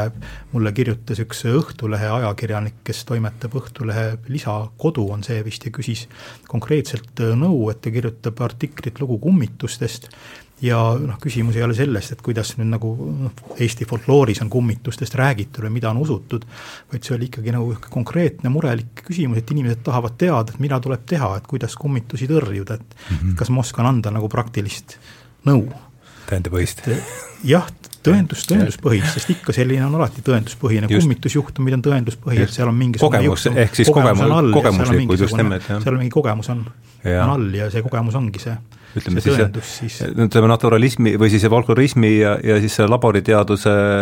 vahe, ma saan aru, on lihtsalt see tõendite iseloomus, et mida, mida üks või teine distsipliin siis äh, peab tõendiks, eks ole, sest mõlemad ju, nagu me rääkisime, on ju loomult ikkagi kogemuslikud, et lood on ju, peegeldavad ju samuti kogemust. jah, ja millist teadmist või, või teadust me püüame luua, et kas see on selline argine teadmine, rahvapärane teadmine, mis töötab meie igapäevases keskkonnas nagu väga hästi või me tahame luua ikkagi mingisugust sellist väga konkreetset, spetsiifilist eh, distsipliini eriala põhist mm -hmm. teadmist, mis võib-olla lähebki korda eelkõige selle eriala esindajatele mm, -hmm. mitte, mitte kõigile, et see see teaduskeel on läinud ju väga, väga keerukaks ja spetsiifiliseks, ka noh, folkloristikas täpselt niisamuti, et, et kõik need terminid, mida me kasutame, need ei ole kõigile üldarusaadaval, et et see püüd rääkida üle eriala piiride iseenesest on nagu hästi tänuväärne ja vajalik. jah, just. Merli, tahad sa lisada siia midagi või enne ma võtaks? mul tuli hoopis vahepeal teine mõte selle narratiividega, et noh, jah, et lood ja narratiivid on tähtsad, aga tegutsemine on ka tähtis. Et tegelikult ju noh, kui tagasi minna selle Eesti Rahvushundi juurde, kust me alustasime, et et kõik need rituaalid, kõik see tohutu pulmakombestik, noh, mis kaheksateistkümnendal sajandil veel oli, et kui palju kordi Äh, püüti nagu seadustega kantslist lugeda neid igasuguseid korraldusi ette, et pulmi ei tohi vedada, pidada nädal aega või viis päeva või kolm päeva, et ühe päevaga peavad pulmad peetud saama ja ja kui need pulmalaulud ja kui reglementeeritud see kõik oli ja ja kuidas seal see kõik äh, äh, noh, suhestus, et selle kaudu ju me saame teada väga hästi, kuidas siis see inimese keskkonna suhestumine oli. et mis liiki see oli, et see oli ikkagi Eesti talurahval üsna kaua see kauge, modernismi kauge või noh, modernismi eelne, et ja kõik, mis on meie keeles siiani säilinud, no mingi linnupetet võtma, noh, et see on seotud nagu inimene ja see lind on ju, või mingi hundi hänna ajamine, mis oli see mõrsja, kui käis kogumas ande enne pulmi nagu. hundi hänna ajamine, jah. või siis äh, või kõik niisugused uskumused, et ei tohtinud kosjas käia, veel kaheksateistkümnendal sajandil näiteks ei käidud kosjas siis, kui oli huntide jooksuaeg. või näiteks, et äh, kui jutust, oli nagu selline periood pimedal ajal, kui jutustati muinasjutte ja küsiti mõistatusi, et see oli nagu just kindlal ajal, aga see lõppes siis, kui äh, noorloomad, kui sün-, loomad sündisid laudas et siis pärast seda enam ei tohtinud. et kõik see, kuidas see oli seotud, kuidas see oli nii loodu-, noh, looduslähedane, see on meie niisugune sõna sellele, mis me paneme, on ju, aga kuidas noh, loodus ongi siis nagu see, mis on inimesest eraldiseisev nagu meie vaatepunktist, aga siis keskkond võib-olla äkki see sõna, mis on nagu inimene on selle osa. et siis kuidas see keskkond ja see talupoeg olid ikkagi veel päris kaua noh, hästi palju näiteid saab selliseid tuua, et ku-, kus on see looduslähedus meie mõistes nagu jah mm., lihtsalt seda ma ka vist mõtlesin enne, et see võib-olla ei seostunudki selle jutuga praegu nii hästi, aga ma mõtlesin seda, et seda tahaks ka kindlasti ära öelda, et et kuidagi rohkem oleks vaja populariseerida seda Eesti vana asja nagu seda noh, talurahvast me ju teame, meil on ju igasuguseid allikaid, et kust me teame nagu selle talurahva elu kohta, aga üldsus ei tea väga, et no isegi muinasjuttudega sama lugu, et antakse ju küll välja neid Eesti muinasjuttude üleskirjutusi ja mitu tuhat meil neid on seal erinevaid versioone Eesti Rahvalu arhiivis, aga aga rahvas ikka teab ju ikka Krimmide ja ja noh, selliseid Disney populariseeritud lugusid, et neid Eesti omi ei teata väga, et kuidagi oleks vaja seda nagu teha rahvale teatavaks rohkem, et meil on väga vinge Eesti asi siin minevikus olnud ja väga palju oli neid ettekirjutusi, mida sa nimetasid ka, et nagu paljud neist meie jaoks on täiesti nagu irratsionaalsed või me ei, me ei tea seda konteksti, millega nad haakusid või seda inimeste, inimeste eluviisi, niisamuti, eks ole, kantslist antud ettekirjutused, jällegi see, see distsipliin, kiriklik distsipliin või, või ka luterlik kord, mille taga on mingisugune teistsugune maailmavaade. aga jah, et praegu noh, me me loeme, me, me loeme raamatuid, aga ka suulise kultuurikeskkonnas no kas või need kogemusjutud, lood, nad elavadki ainult siis, kui neid räägitakse no,. et ka see on, see on praktika, ka see on, ka see on tegevus mm. -hmm. aga muidugi see haakub ju igasuguste kõigi, kõigi muude nende tavadega, mida, mida tuli järgida, mida, mida järgiti, võib-olla ka ei järgitud, eksperimenteeriti, vaadati, mis, mis juhtub, kui me sel aastal niimoodi, niimoodi ei tee, et, et iseenesest noh, ikka ettekirjutusnorm ja sellest normist nagu kõrvale kaldumine või, või uute asjade proovimine, et see käib alati käsikäes, et ega see, see kunagine kultuur ei olnud ka nii, niivõrd staatiline iseennast nagu taastoota, vaid seal kogu aeg oli, oli mingisugune avatus, avatus minu meelest see nagu talurahva ja, ja siis selle sakslaste kultuuri erinevused on ka omaette teema, et et see oli nagu nii suur lõhe ikkagi nende kahe kultuuri vahel ja arusaamatus, kuidas teineteisest aru ei saadud, noh, keele vahe ka ja pluss kaheksateist sajand näiteks oli Vene impeeriumi koosseisus, siis kehtis veel nagu Rootsi-aegsed seadused kehtisid ja Saksa, hoopis sakslased olid need, kes tegelikult koha peal valitsesid, kõik oli nagu nii -hmm. see võim oli nii kõrgel ja kaugel, et väga raske oli nagu noh, teada, et kuidas see talurahvas tegelikult mõtleb ja mida nad tegelikult teevad ja ega need sakslased ei, oma jalga ei tõstnud ka talutaresse, seal oli nii must ja noh, ei saanud seal hingata ja vingune ja nad ei läinud sinna pulma ka koha peale vaatama, et kui oli nagu kutsuti kirikuõpetaja pulmast, tal oli mingi oma kamber, aga ta ei näinudki seda noh, päris elu nii väga ja ja siis sellest jah, need regulatsioonid olidki, siis tulid sealt kuskilt Stockholmist siis kaheksateist sajand näiteks ja ja siis no üks oligi just seda, üks, ühe kirikuõpetaja mälestustest kaheksateistkümnendast sajandist, et kirikuõpetaja luges ette äh, kantslist seda, kuidas ei tohi pidada pulmi kolm päeva järjest ja kuidas on ette nähtud nagu ja need normid. no see, et nad söövad kogu oma lihavaru ära sügisel, et siis ei jää talveks midagi ja pluss veel, et tööd ei tee sellel ajal, noh, kõige tähtsam põhjus ilmselt oli see, et mõisnikule ei laupäevakule tulla. jah, et kui jah, purjus on või noh, et nagu ei, kolm päeva töövõimetud või kauemgi veel, et see mm, -hmm. noh, see oli ka ja siis luges sealt ette siis kirikuõpetaja need ettekirjutused, mis talle olid antud, et mitu toopi viina, mitu toopi õlut tohib olla ühes pulmas ja mitu paari külalist tohib kutsuda. ja siis rahvas hakkaski naerma kõva häälega nagu saali või seal kirikus, et, et nii jaburad olid need aa ah, ja veel pluss veel mitu paari kindaid tohib andidena pruut välja jagada, see oli ka minu meelest kohutavalt väike, noh, võrreldes sellega, kui palju nad tegelikult pulmas välja jagasid. ja see, kas õlle või viinakokus oli ka no nii naermajavalt väike, et nad lihtsalt naersid. ja siis mhm. kirikuõpetaja muutis selle ära nagu seal, noh, kuna ta nägi rahva reaktsiooni, et tegelikult äh, jah, et see ei, me ei tea, mis tegelikult oli, sellepärast et need ettekirjutused ja see tegelikkus olid teineteisest ka väga kaugel või siis need noh, mõnikord saab mingitest kohtuprotokollidest jälile, et mis tegelikult mhm. toimus mm, -hmm. aga sageli ei saa. aga kena, ma, mul jäi siin seoses selle jõe looga jäi, jäi kõrva niisugune mõiste, käis siit ka läbi nagu vaimolendid, et äh, võib-olla kulutaks siin mingi tundike, veerand tundikest võib-olla sellele, et mis, mis, mis tuu on? et jõgi, kas see jõgi on selles kontekstis siis vaimolend ja kuidas need on haakuvad see katoliikli inglitega ja, ja kogu selle, et see on üks väga huvitav äh, probleemikompleks minu jaoks. jah, ega me ju ei, ei tea, et väga raske on ajas tagasi minna eh, sinna tuhande kuuesaja neljakümne teise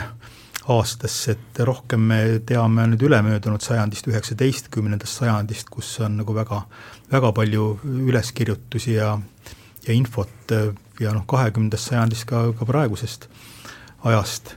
et kui me neist äh, räägime, siis äh, noh, see on ikkagi sõnade, sõnade keskkond, et folklorist äh, räägib žanridest, väljendusvormidest, kus on mingisugused tegelased, kes ei vasta meie maise maailma parameetritele, nad on enamasti nähtamatuks jäävad, jäävad tegelased, aga mõnikord siis äkki nad, äkki nad ilmuvad, võtavad, võtavad kuju. Ja noh, veel üheksateistkümnendal sajandil oli see terminoloogia nende, nende kohta ikkagi nagu väga-väga mitmekülgne mm. -hmm. et kui midagi kummalist äh, juhtus, keegi nägi võõrast, võõrast teel, kes, kes veidralt äh, käitus mingisugust äraeksinud looma, mis, mis iganes see, see juhtum võis, võis olla, tihti hämaruses või, või sellises nagu piiratud tajuolukorras, siis kindlasti käivitus see, see arutelu, et, et mis nüüd juhtus, kas, kas juhtus, kes see, kes see oli, et äh, see määratluste ring, noh, ta ulatub sealt ju, ju kuradist kuni loodushaldjate, kummituste, viirastuste, kodukäijateni ja nii edasi ja nii edasi, et tänapäeval on see nagu palju piiratumaks ja, ja ahtamaks jäänud, et äh, viimane National Geographic, selle eestikeelne erinumber oli nüüd üleloomulik maailm, et, et kui sealt äh, vaadata, et äh, kes siis praegu domineerivad, siis noh, see, see väljaanne lõppes seal tulnukatega ja mm, -hmm. ja selliste kosmiliste kontaktidega aga neid äh, vaimolendeid rahvajuttudes on, on palju, neid on nii palju, et noh, folkloristid on neid klassifitseerinud, eks ole, Eisen on kirjutanud Eesti mütoloogia, kus on kenasti peatükid mingite tegelaste kaupa, aga eks see on ka selline nagu teadlase püüd midagi klassifitseerida või luua seda korda selles, selles väga, väga kirevas jutu ja ka kogemuste maailmas. Et eks ka inglid ulatuvad sinna, inglite vastu folkloristid väga suurt huvi ei tundnud või pigem juhuslikult nad sattusid üleskirjutuste, sest inglid kuuluvad kristlikusse mm -hmm. mütoloogiasse, et et kui me hakkasime, noh, folkloristid hakkasid üleskirjutusi tegema, siis pakkus põnevust ikkagi see, et mis esindas nagu seda kujuteldavat ristiusu eelset muinassaega või mis, mis oli erinev kristlikust õpetusest. aga see on nüüd see narratiivide, lugude, juttude maailm, mis on seotud ka selle kogetud tegelikkuse ja, ja keskkonnaga, kus, kus inimesed elasid ja just need vaimolendid on võib-olla midagi sellist, mis jällegi noh, eristab meie, meie maailma kunagisest maailmast, kus, kus neid äh, tegijaid, olendeid oli palju-palju rohkem ja, ja ka nähtamatuid osalisi mhm. selles. mul on mis tahes meel, mis tahes põhjustel meelde jäänud niisugune tegelane nagu külmking, et kasu, kasutades äh, juhust, et ma olen kahe folkloristiga stuudios ja mida, mida me temast teame miskipärast on ta mulle jäänud äh, jäänud, kas teil tuleb ette midagi temaga seoses? ta kuulub sinna lääne poole, Saaremaa rahvausku eel, eelkõige Liivi rannas on Aha. vist ka, on, on vist külmking ja kuidagi on seotud nagu nende kodu, kodukäijate kummitavate surnute seltskonna või, või perekonnaga, ikkagi natuke niisugune tülikas ja, ja ohtlik tegelane, aga kuidas ta ilmub, mis ta ilmumiskujud on? külmarahuna mul tuli ka see pähe, et Saaremaal on nagu neid külmkinga üleskirjutusi, aga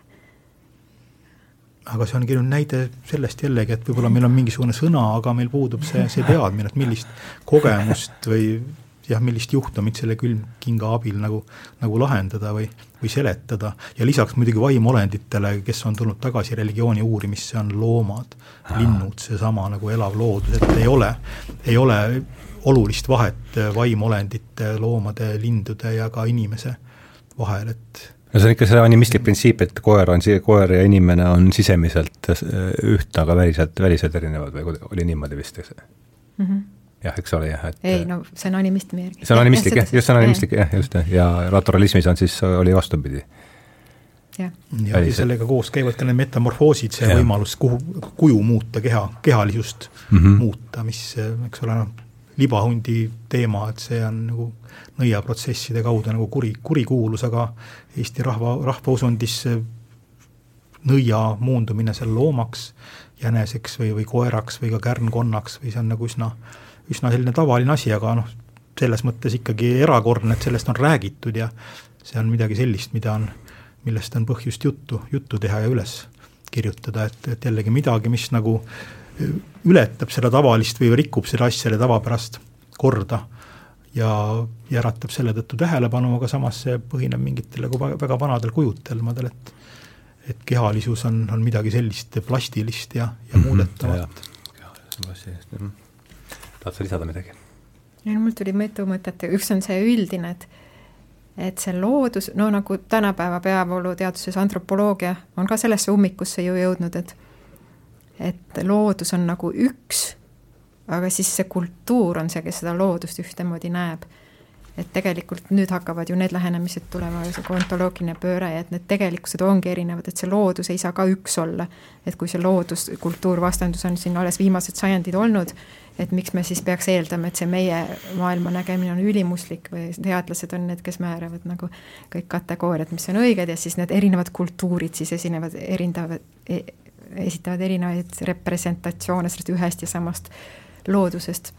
et tegelikult ju nüüd või mis seostub ka selle jõe teemaga, on, et kaks tuhat seitseteist vist sai esimene jõgi Uus-Meremaal, mingi maooride sai selle staatuse juriidilise isiku õigused. ma tean, et see oli ja, teemaks, jah. jaa, ja nüüd on veel mujalgi olnud mõned juhtumid. jah, ja seal on üks geneetik või kes ta oli, Uus-Mere, kes eestlane, kes käis Uus-Meremaal, ta rääkis, et seal on täielikud vaidlused praegu sellega, et kas siis, et üks tilk sellest jõest või kui palju siis see ka on veel see noh, et kust see jõgi algab ja lõpeb ja noh, nagu see tänapäeva teaduslik maailmapilt ei sobi hästi selle maooride maailmase nägemisega kokku. Need ei lähe ju üldse, need on hästi ühismõõdetud asjad, eks ole. et see, sellised huvitavad,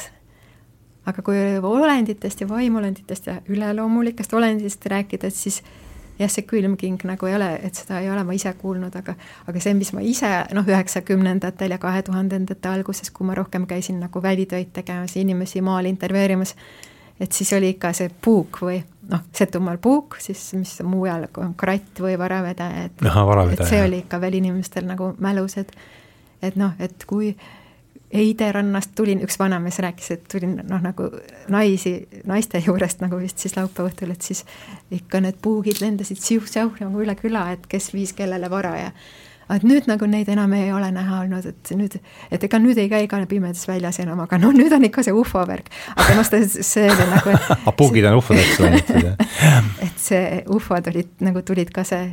mis üheksakümnendatel see telesaade oli, see Vahur Kersna nagu mm -hmm. tegi seda, et et siis ta meenutas nagu seda saadet, et sealt, et sellest ajast on nagu tulnud rohkem need ufo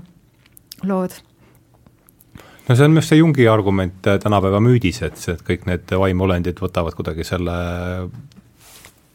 me tõlgime ta kuidagi sellesse praegusesse tehnoloogiasse ümber, selle, selle vaimolendlikkuse või? Jah, et need tulevad tagasi, aga muidugi samas nad seejuures ka, ka muutuvad, et see ei ole päriselt üks ja seesama, aga, aga puugi või, või krati või varavedaja teema, et hmm. et see nagu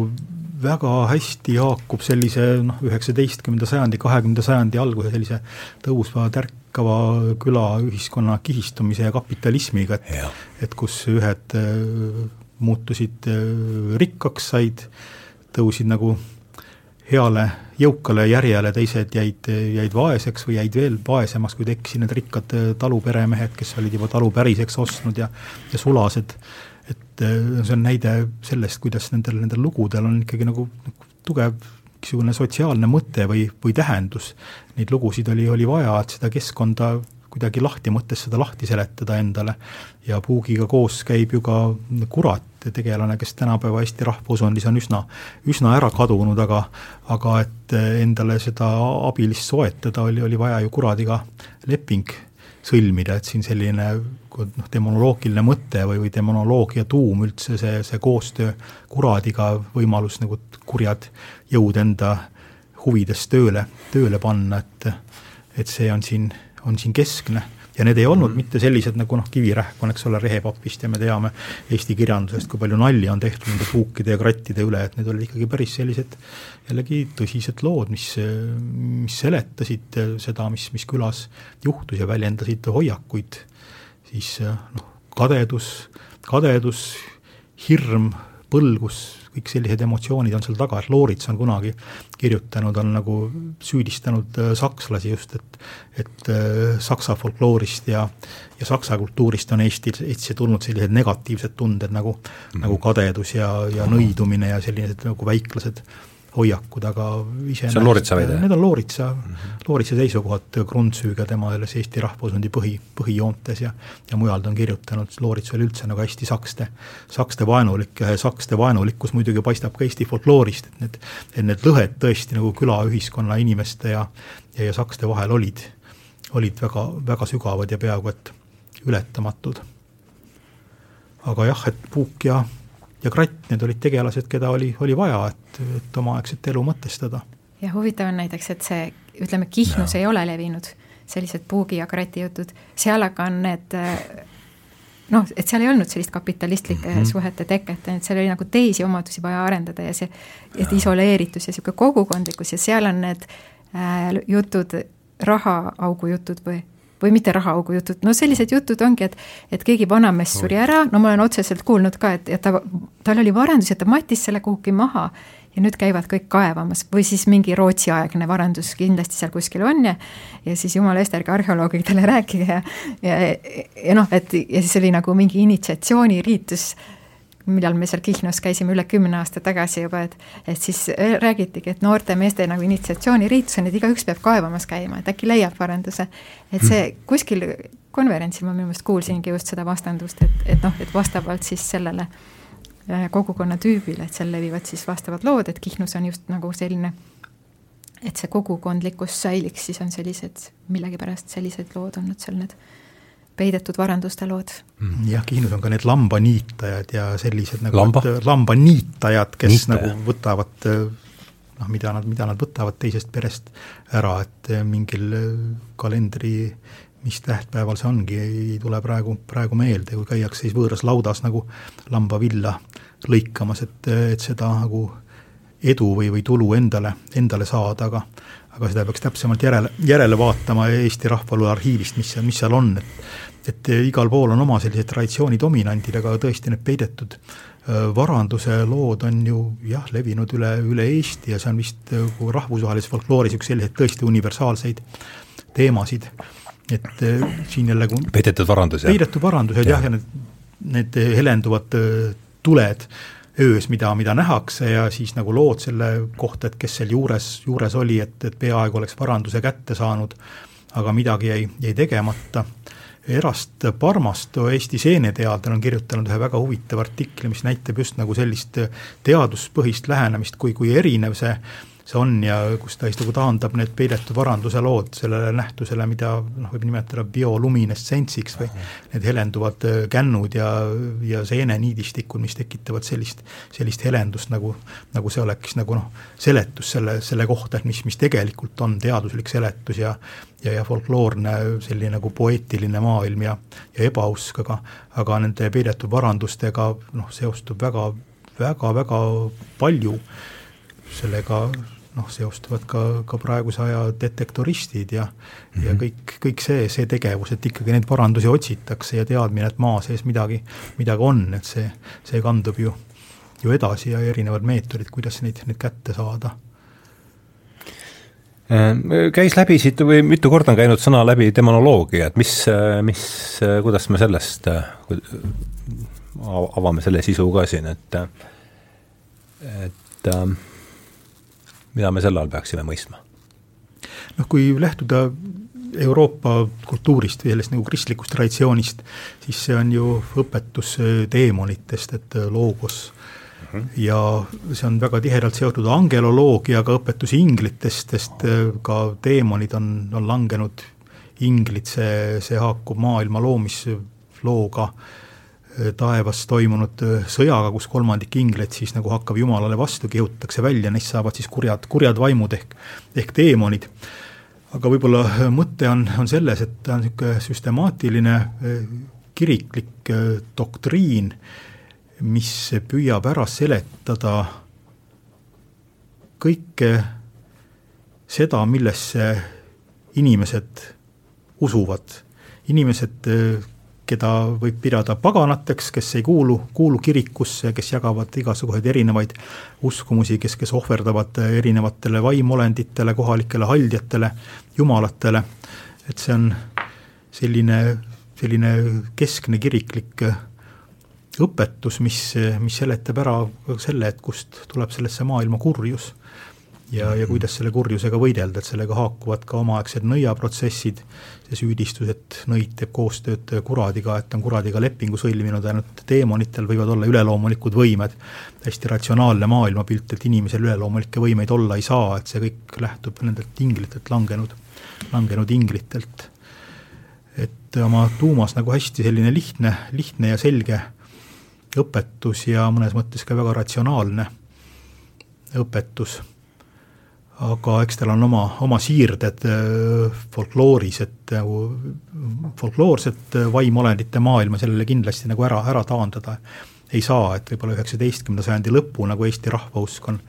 on nagu suhteliselt tugevasti sellist kristliku demonoloogia nägu, kus, kus kurat muutub selliseks põhiliseks, kõige, kõige dominantsemaks tegelaseks, aga ta kaotab ka oma positsiooni väga kiiresti kahekümnendal sajandil. Et noh, folkloristid räägivad rohkem siiski noh, muistenditest või rahvajuttudest, et aga demonoloogia on, on selline kiriku vaade. jah, ja Luter annab, keerab sellele veel, annab veel mingi oma nurga sellele asjale, ma saan aru, või? jah, Luter kindlasti omaaegse inimesena, et ta taandab ju ka kõik lood veevaimudest, näkkidest, haljatest ikka ja kõik see on, see on kurat, kes, kes inimesi oh, hullutab, et ta on ka väga põnevaid omaaegseid saksa muisteid toonud ära oma, oma lauakõnedes, oma, oma tekstides. aga see on selline jah, kristlik, luterlik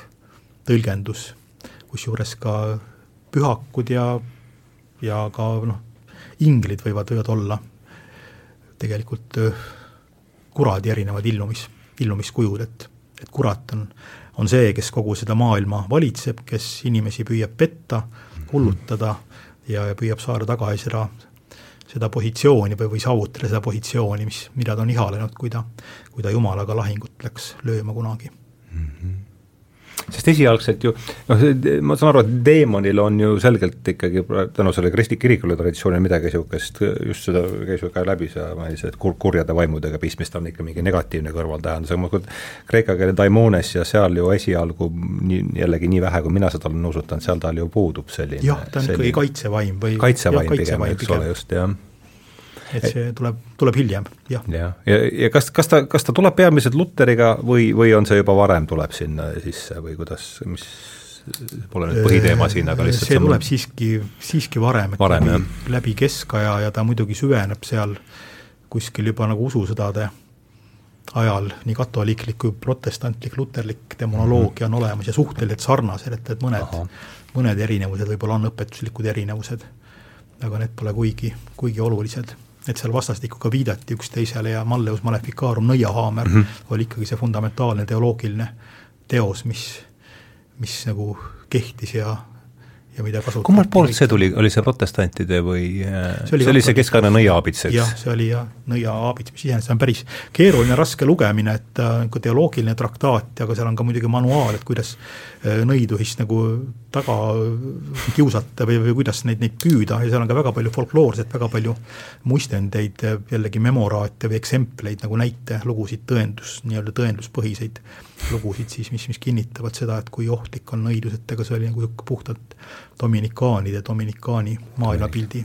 vaatena on seda tõlgendatud, et, et ka noh, keskajal olid väga, väga erinevad arusaamad, aga aga selle autorid või noh, põhiline autor Jakob Sprenger oli just dominikaani vaimulik.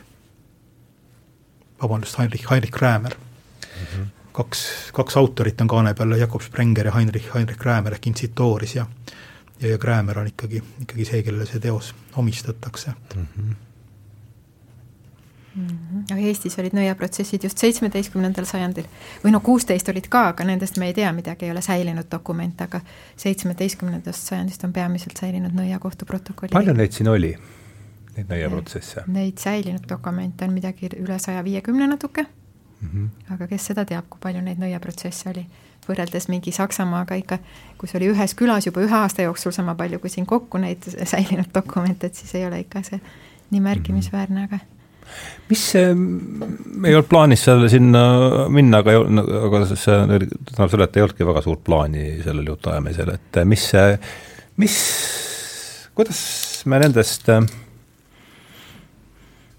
mille, mille pealt need nõiaprotsessid välja kasvavad, mulle tundub, et see on selle teemaga, millest me siin täna arutame, kuidagi orgaaniliselt seotud, et mille pealt need välja kasvavad, mis on nende tähendus, mis äh, ma ei oskagi konkreetset küsimust esitada, lihtsalt palun teil sellel teemal natukene lähemalt rääkida nõiaprotsessidest. jah, nagu mitmed ajaloolased on näidanud, see on ikkagi nagu küla, külaühiskonna inimeste omavahelised keerulised äh, suhted, igasugused suhted, konfliktid, tülid ja noh, õiluse usk oli, oli tõsine usk või et noh, pigem võib seda nimetada teadmiseks, et seda, seda rakendati, seda noh, ei olnud, ei olnud inimest, kes, kes oleks kahelnud selles keskajal või varasel uusajal, et, et kurat tegutseb maailmas, et nõidumine on, on võimalik. aga noh, nõiaprotsess ka sellest ajaloost on kirjutanud, oli näide sellisest institutsionaalsest lähenemisest ja kaugeltki mitte kõike ei mõistetud süüdi, seal oli vaja ikkagi tõesti tuua nagu tõendeid, tunnistajaid, tunnistusi, see oli kallis, suur, suur ettevõtmine, kui see nagu see nõid siis nagu kindlaks tehti, et need, need tõendid tundusid olevat piisavad. ja praegu meile tundub, et sellest on ülemöödunud sajandist peale juba nagu hästi palju kirjutatud ja on selline nagu pimeda keskaja ettekujutus on, on loodud, et nagu neid oleks väga palju olnud, ka Karl Robert Jakobson on kirjutanud nõiaprotsessidest, üks tema Isamaa kõnedest on, on suuresti või põhiliselt ongi Küsi nagu Eesti on nõiaprotsessidele pühendatud, selleks, et kritiseerida jah, katoliku kirikut ja seda nagu kristlikku ebausku. et iseenesest noh, kunagi räägiti miljonitest ohvritest, aga praegu ajaloolased on selle ohvrite arvu jälle tõmmanud nagu tagasi, et ta võib olla kuskil seal viiekümne tuhande, saja tuhande vahepeal, pigem sinna viiekümne tuhande poole läbi, läbi Euroopa ajaloo, et need olid hästi sellised suure uudisväärtusega juhtumid, aga, aga neid ei olnud võib-olla nii, nii palju, aga neist kindlasti räägiti palju, et on, on nagu võrreldud statistiliselt ka, et mis on suurem tõenäosus, kas suurem tõenäosus oli, oli saada nagu ohvriks nõiaprotsessil või tänapäeval lennuõnnetuses surma saada, siis nagu lennuõnnetuses surma saada on, on tõenäosus märksa suurem kui, kui kunagi nagu saada nõi, nõiaks mm. olemise süüdistus ja, ja jõuda sinna kohtu alla ja saada lõpuks süüdi mõistetud, et mm, -hmm. et see on ka selline omamoodi äärmuslik juhtum, millest on väga palju kirjutatud, väga huvitavad allikad muidugi selle kohta ja siin nagu avaldub tõesti nagu varasem, varasem rahvausk ja ka mitte ainult rahvausk, vaid ka teoloogiline usk. vaated mm -hmm. olid muidugi erinevad inimeste hulgas, rahva hulgas ja ja õpetlaste, demonoloogide hulgas, kuidas, kuidas seda mõtestada mm -hmm.. jah, need, kes süüdistasid, olid enamasti talurahva seast. talu.... jah, see küla omavahelised suhted, ma saan aru, siis kuhu tõmmati talumehed ennekõike esitasid nagu süüdistuse, Eesti eripära on ka see, et siin oli libahundi süüdistusi, noh, tegelikult mitte noh, kümmekond seal kokku, aga aga noh, ikkagi suhteliselt vähe materjali on säilinud, et see protsentuaalselt ikkagi nagu oli Eestis selline see loomtransformatsiooni teema nagu äh, aktuaalne tollel ajal. ja seal on hästi huvitavaid leide, näiteks seal mingi seitsmeteistkümnenda sajandi keskel küsitakse ühe noormehe käest, kes, kelle kohta öeldi, et ta käis hundiks, et kas ta tundis ennast hundiks olemise ajal rohkem looma või inimesena, ta ütles, et loomana ja noh, kuidas need, no nagu ma ei ole analüüsinud. ta kinnitab seda, et ta käis libavanti jooksmas siis ja,? jah, jah, et ta tundis loomana ja, ja siis kuidas ta, see hing ja kuidas need mõisted ja kuidas need on erinevad, noh ikkagi seal kõrgkihi ja talurahva seas, et kuidas nad vastastikku teineteisest aru saavad ja need on hästi huvitavad küsimused. Mina ise ammu uurisin ühte Liiva, Liivimaa äh, libahundi protsessi siis seitsmeteistkümnenda sajandi lõpust äh,, kus see vanamees Tiis tunnistas, et ta ise on äh, libahunt, aga mitte halb libahunt, vaid hea, et tema teeb oma tegevusega kogukonnale kasu, et see kogukonna hüvanguks, enda küla hüvanguks, et et siis, kui on luutsinapäev, siis äh, ta läheb põrgusse ja toob sealt selle vilja, et põrgus on nagu vastupidi, aeg kui maa peal hmm., seal on juba roheline, kui maa peal veel on alles talv ja siis see valmistatakse ette nagu see viljasaak juba seal siis detsembri alguses või luutsinapäeval ja siis õigel ajal tuleb jõuda põrgusse, et ära tuua see noh, et Vene kui olid seal Läti ja Vene libahundid, et Vene omad ette ei jõuaks ja, ja noh, niisugused nagu vastastikused need sellised äh, seosed või sellised noh, jah, et mingid võitlused seal käisid, et et, et siis need Läti libahundid peavad ette jõudma. no ta oli üks Kuramaa vanamees ise selline, kelle, keda pärast, kes ei saanud pärast mingit suurt karistust, sest siis nagu need need äh, kohtunikud olid kuidagi hästi valgustunud ja hästi nagu nad ei uskunud nagu seda juttu, et oli küll ja tema rääkis nii julgelt seal ja väga pikalt, see protokoll on mingi peaaegu kakskümmend lehekülge teksti. Et sellepärast, et ta oli ükskord juba kohtu all olnud ja siis oli naerdes minema saadetud, et nad ei uskunud ta juttu ja siis ta hästi julgelt esineb seal ja ja hästi huvitavaid väiteid esitab ja küsimused on ka huvitavad, et noh, sellised nagu oleks ka mingid antropoloogid või folkloristid küsinud, et kas naised käisid ka libahundiks ja kas tüdrukud käisid ka libahundiks ja oled sa sellest kuskil kirjutanud ka või äh,? no ma kirjutasin jah, aga rohkem noh, ma ei ole ma ei ole eesti keeles väga, väga avaldanud sellest väga põhjalikult, mingisuguses meie või Kirjandusmuuseumi mingis kogumikus on mm -hmm. eesti keeles üks libahunt Tiisi võitlused, üks vana artikkel, aga jah, noh, seal ikka ma kirjutan sellest. ja et sellest on ju, Carlo Ginzburg on huvi tundnud selle vastu, nüüd ma kirjutasin retsensiooni sellele raamatule, mis Bruce Lincoln ja Carlo Ginzburg kirjutasid sellest Tiisi juhtumist, et see on selline maailma läinud nagu juhtum mm -hmm. siit, mida on juba, juba enne Ginzburgi juba Saksamaal teati ja tunti ja et selline, aga noh, tunti alguses mitte selle saksakeelse protokolli põhjal, vaid nagu tõlgete kaudu ja ja siis, et see on selline tuntud juhtum, mis seal on huvitavat. nojah, ta ütleb, et tema on juba vana mees, et tema, et ta jah, ei käi armulaual, ta ei käi kirikus, aga tema on juba vana mees ja teda, teda ei saa keegi enam ümber pöörata sellest ja ja siis ta on ravitseja, noh, see tuleb nagu see protokoll. mulle tundub, et ta nagu šamaani ta tuleb teises, tegelikult tuleb teises pooles välja, et tegelikult ta tegutseb ravitsejana, aga noh, see, selle, võib-olla ta sellepärast räägibki nii pikalt oma libahundi lugusid, mida ei usuta, et kuidas ta käib seal põrgus ja kuidas ta võitleb teiste nende libahuntidega ja et nagu siis ta püüab seda noh, lükata kaugemasse tulevikku või et kunagi ei tulegi see ravitsemisteema jutuks, aga tuleb küll ja siis tal kästakse isegi demonstratsioon, esinemine teha, et kuidas ta ravib. Ja ta on väga nagu vastumeelt ja ei taha seda näidata. ja siis ütleb, et tal on selg haige ja mis ta seal ütleb. Ja ja vangis juba, vangistuses seal peetud mitu päeva ja aga no öeldakse, et no kui selg haige, et ravi siis ennast, ennast ei saa ravida ja ja siis ta ikkagi mingil määral seal näitab, et soolaga ja, ja loitsuga, no ta mitu loitsu seal esitab ka, et millega ta ravib, et veresõnad ja ja mis tal on seal erinevate hädade jaoks, erinevad loitsusõnad, et seda ikka peab neid ka ütlema ja siis ilmselt see, mille eest ta karistada saab, ongi siis see ennekõike, et, et ta tegutseb ravitsejana ja viljaõnnistajana ja loomade ravijana ka. et ikkagi jah, selline tegelane nagu šamaanitaoline või nii et ravitsemine on siis reaalselt see, mille eest ta saab ikkagi siis ei noh, ei kirja saab see, et lükantroopia, et väga hull nagu demonoloogiline tekst, et ta ikkagi käib hundiks, kirja tuleb see, aga arvatavasti ma arvan, et tegelikult oli see ravitsemine hullem. et siin on ka suur nagu, jah, selline maailmavaateline konflikt, et et õpetlaste jaoks, ka teoloogide jaoks libahundiks käimine oli iseenesest võimatu, et mm, -hmm. et selline nagu füüsilise kuju muutmine on midagi sellist, mida ei saa juhtuda, et ainult Jumalal on see, on see võime olemas, et see on, juhtub armulaua äh, mm -hmm. sakramendi käigus transsubstantsiatsioon, et see on nagu ainuke, ainuke juhtum, kus see on põhimõtteliselt võimalik, et kurat ei suuda midagi sellist, sellist teha, et kui nõid tegutseb koos kuradiga. aga kui keegi kujutab ette, et ta libahundiks käib, et kui ta, kui ta räägib sellest, siis järelikult on tal niivõrd tihe side kuradiga, et, et kurat on see, kes, kes sisendab talle sellise illusiooni, et see on nagu selline õpetatud või ideoloogiline mm -hmm vaade, et ah, see on see teooria seal nagu jah? jaa, just, karistuses ongi see ka, et noh, et käib läbi kuradiga ja käib libavandiks, just niimoodi, niimoodi ongi sõnastatud jah, nagu Ülo räägib ja.. jah, aga siis need loitsud jah, et see on ka jällegi huvitav küsimus, et et kuidas tehti vahet kas või, või loitsudel, nõiasõnadel ja, ja palvetel, et, et see vahe võib olla nagu õhkõrn, et, et küsimus oli ka, oli selles, et nagu milliste jõudude kelle poole pöörduti. et kui katoliikluse asemele tuli tuli luterlus, siis noh, jäigi, jäigi järele, eks ole, kolmainu Jumal eelkõige, et et pühakud ja, ja taevased jõud, kelle poole pöörduti ka igasuguste äh, märkide, vormelitega, mis, mis vanasti katoliku perioodil oli täiesti noh, ametlik heaks kiidetud usk, see kõik äh, muutus äh,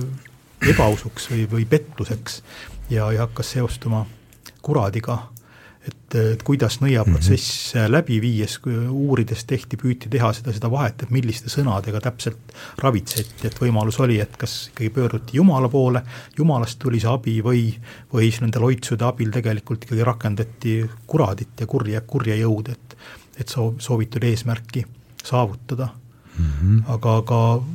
kuidas nõiaprotsessid, protsessid alguse said, et need vastastikused süüdistused ja juba nagu selline, selline nähtus nagu, nagu sõim või, või needmine või sajatamine, et siit saab alguse sõna, sõnamaagia mm. -hmm. ja kui kedagi saata juba põrgusse, siis see võib sellises keskkonnas, sellises kontekstis olla ikkagi väga, väga ohtlik ja, ja ränk väljaütlemine ja, ja süüdistus. jah, see emotsionaalne kontekst on oluline, eks ole. emotsionaalne kontekst on, on oluline ja mm -hmm. inimeste ikkagi väga, väga tugevad konfliktid, ka naabrite vahelised, vahelised tülid. Aga eks see võtti ikkagi päris palju aega, kui kellelgi nagu tekkis see, see staatus, et teda peeti nõiaks või ta, või ta ka ise pidas ennast, ennast nõiaks mm. -hmm. et nii lihtsalt see kõik ei, ei käinud, aga me ei kujuta praegu päris hästi ette seda sotsiaalset keskkonda, emotsionaalset keskkonda ka, kus need nõiaprotsessid, kuhu nad kuulusid aga jah, see sõnajõud ja loitsud, et need ikkagi Eestis suhteliselt kaua säilisid, ma ise mäletan üheksakümnendatest, et kui Setumaal käisime ühte naist lindistamas, küsimas, siis ta loitsudeks ta küll ei öelnud välja, noh, et need pidi ütlema siis, kui enne surma vahetult sellele, kellele ta edasi annab enda teadmised, et ah, et, et see on ikkagi, ikkagi hiljuti veel olnud kasutusel hmm.. loitsud, jah. Need on ikkagi siis mingid äh no. kinnistunud kõne, kõne noh, nagu Madu Musta maa-alune, noh, sellised, seda on, sellest on, ma ei tea, kui palju sadu üleskirjutusi mm -hmm. sellised noh, ussi kinnipanem- või kui ma ei tea, kas see oli siis ussi kinnipanemiseks või haava, haavale loeti seda, seda Madu Musta maa-alune, et et nad oma funktsioon ja oma mm -hmm. tähendus. ja see on kõik suuline, suuline pärimus siis, eks? Ju. Mm, jah, noh, neid on nüüd üles kirjutatud ka ikka, folkloristid on mm, -hmm. on teinud sellest ka oma, omaette žanri, aga eks nad olid ikkagi hästi sellised nagu praktikale või probleemi lahendamisele orienteeritud, et midagi oli vaja saavutada selle, selle loitsuga, maagilise sõnakasutusega, kas, kas mingi mhm. haigus, ravida mingi, mingisugune trauma, mingi õnnetus või tulevikku mõjutada kuidagi ühes või teises suunas, et kas teha head või, või teha ka kurja, et on on ka noh, needmised ja, ja sajatused, siit algabki nagu selline nagu loitsu sõnamaagia mm, -hmm. must kasutamine, mis kuulub ka sellise mõtteviisi juurde. aga sõna jõud iseenesest ei ole ju kuskile kadunud, et jällegi me võib-olla mõtestame seda hoopis ja. teistmoodi praegu, et me ei pea seda enam sõnamaagiaks, aga kui tähelepanelikult me ikkagi jälgime neid igasuguseid kas või poliitikute välja, väljaütlemisi või kuidas need mõjutavad meie maailma praegu, selle tegelikkust, kus me, kus me oleme, et keegi kunagi peab ikkagi nagu ütlema selle välja, et jah, et alustame, alustame sõda ja andma käsklused, eks ole, sõjaväeline käsklus, see on ka žanr mm -hmm. või ta ei ole võib-olla maagiline, ta on mingi teise mõjuga, aga aga see sõna, sõna jõud on, on praegugi väga, väga oluline, et see ei ole kuskile kadunud. või kui me soovime palju õnne või head isu või, no need on ka maagilised või? jah no meil on siin umbes veerand tunni, heas seltskonnas olen pannud tähele, läheb aeg kiiresti, et meil on siin äh, veerand tunnikest äh, ongi jäänud, et, äh, et peab mõtlema, kuidas see jutuajamine nüüd kokku või sadamasse juhtida, et ma ühe silmaga piilun siin ikka seda Ülo artiklit, et siin käib, Chronolotuurist oli meil täna juttu, tema suri just tõesti paar päeva tagasi, eks. Küll tuleb, siin Philippe Descola, kelle raamat ilmus siin ju ka mõned nädalad tagasi vast, et mida me temast, kuidas tema sellesse, et kui see juba siin niimoodi pilk selle sõna ja tundub olevat oluline autor, mina tast ei tea palju, aga et oleks kasutanud võimalust, et siis sellest raamatust, selle raamatu kohta küsida ja ja et mida temast oleks hea teada. Jah, noh, ta on ju nagu Levi Strossi mantli Aha. pärija. Ah, nii, ja Levi Stross ka ise kirjutas tema kohta väga-väga positiivselt, juhtis tähelepanu talle kui sellisele uuele, uuele mõtlejale, kes on selles samas teispool loodust ja kultuuri, mille nagu Hasso Krull on tõlkinud ära, väga, väga suur tõlketöö ja väga väga võimas monograafia, et, et õnn, et meil eesti keeles on see lugemine nüüd, nüüd olemas avatud Eesti Raamatu sarjas. ta esitab need neli sellist ontoloogilise mõtlemise tüüpi, noh, oli, oli juttu, et ta vastandab seal sellist animistlikku ja naturalistlikku loodus, loodusteaduslikku või teaduslikku mõtlemist ja, ja lisaks kirjeldab veel, veel totemismi ja mis see neljas oli, see hierarhia, põhiline analogism jah ja,, nagu mis hierarhiatel põhineb. et ja väga selline suurejooneline püüd siis erinevaid maailmakultuure nendele mõtlemistüüpidele taandel, et võib-olla ka natuke dogmaatiline raamat, et äh, alati kõik need mõtlemistüübid nii puhtal kujul ei esine, küllap ta ei, noh, ta, küllap ta ka ei väida seda, et et need mõtlemistüübid nii puhtal kujul on, et ta on ikkagi selline teoro-, teoreetiline, metodoloogiline vaade, et, et kuidas mingisuguseid äh, kultuure esitada hästi nagu selgel kujul analüütiliselt nende, nende ontoloogiat ja filosoofiat ja nagu alus, aluspõhimõtteid. aga eelkõige on ta ikkagi noh, Lõuna-Ameerika Amazonase indiaanlaste uurijad, kunagi paar aastat tagasi, kui meil Tartus oli, oli suur konverents, Euroopa Religiooni Uurijate Assotsiatsiooni konverents, et siis me püüdsime teda kutsuda meile siia plenaarloengut pidama, ta, ta vastas kenasti ja, ja vastas, et tal kahjuks ei ole võimalik tulla, et ta on, et ta on välitöödel sel, sel ajal mm. -hmm. et ta ei ole mitte kabinetiteadlane ainult, vaid ta on ikkagi ka inimene, kellel on otse, otsekontakt ja, ja tõesti huvi elavate kultuuride vastu. ja ta on umbes sündinud mis ajal? noh, kui vana ta võib, võib olla praegu, üle, üle kuuekümne kindlasti, seitsekümmend või kuskil üle seitsmekümne mhm. vast, aga viiekümnendates kuskil. Vikipeediast on lihtne järele kontrollida. ahah, uurib Amazoonia indiaanlasi, jah. ja öelge palun veel need neli, äh, need, mis need neli tüüpi olid, totemism? Totemism, analogism. animism ja naturalism. ahah, analogism, väga huvitav. totemismis on siis äh, need samad, see sisemus ja väline. Või kuidas tal on öeldud, see füüsiline kuju. Ja siis see sise, sisemaailm. Siis loomadel ja inimestel kattuvad mm. -hmm. ja analogismis siis on mõlemad erinevad. noh, et see on hästi selline struktuur, jah, selline Aha. selge struktuur nagu, et selline kastiga on niimoodi tal joonistatud seal raamatus või selline skeem on tehtud, selline hästi, hästi selge, noh, jah ja,, see on jah, tähtis ja suur, aga noh, kahtlemata ei saa niimoodi nagu nii jah, Asso pidas mul ühel külalisloengul või tähendab, ühel kursusel külalisloengu ja seal mul tuleb küll see skeem hakkab kusagilt äh, tule ju, ta rääkis Deskolast, jah. Jaa, eks selle kaudu saab avada ka eri, Eesti rahvushundi või rahvakommete erinevaid aspekte mis see viimane hier-, hierarhism või? ei, analoog-, ei, ei. ei, ma saan mõtled totemism, analogism, animism ja mis see nelja mul naturalism, naturalism, naturalism on jah. nagu see praeguse aja ja, ja et loodus eraldatud mm -hmm. või siis inimene ja loom on siis mm -hmm. psüühiliselt täiesti erinevad, no mis on absurdne tegelikult ju ja no tegelikult ma toetasin siis ka Toscolaale, kui ma rääkisin seda, et seitsmeteistkümnenda sajandi teisel poolel see mõiste loodus võeti kasutusele ja et see Toscola kirjutab nendest asjadest, et nagu seal raamatu esimeses pooles, ma arvan, kirjutab nagu kronoloogiliselt, kuidas see arenes ja kuidas, kuidas tekkis see looduse mõiste üldse ja ütles siis kultuuri mõiste ja alguses kultuur oli just tähenduses tsivilisatsioon, et see tähendus, mis tal praegu on, et see on hoopis hilisem. Või noh, siis seal mingi üheksateistkümnenda sajandi lõpp, kahekümnenda sajandi algus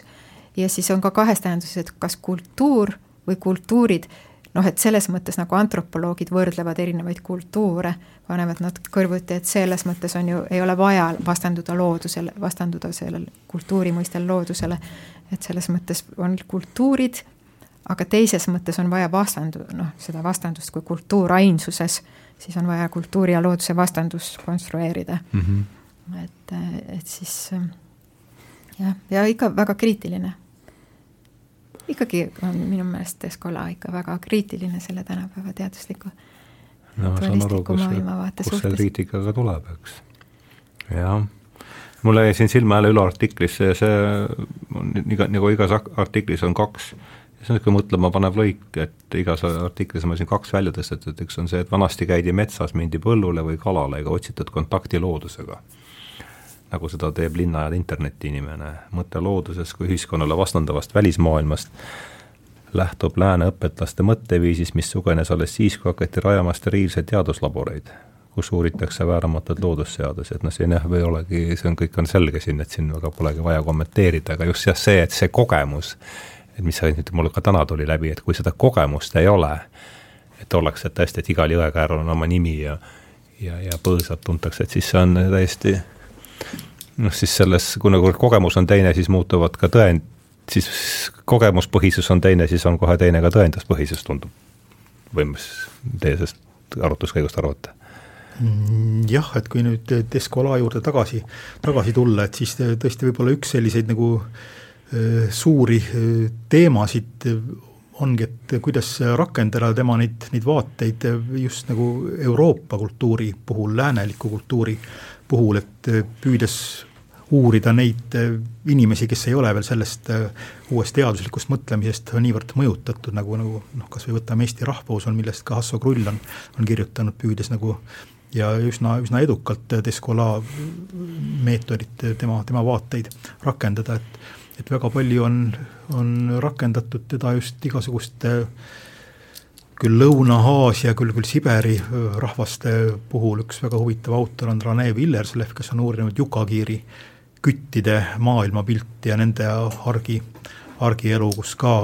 loomad, inimesed ja vaimolendid on nagu moodustavad sellise kolmiku, kes, kes iga päev nagu koos Omad kokku puutuvad ja mm, -hmm. ja tegutsevad. aga jah, see, see küsimus oli, oli tõenditest vist nojah,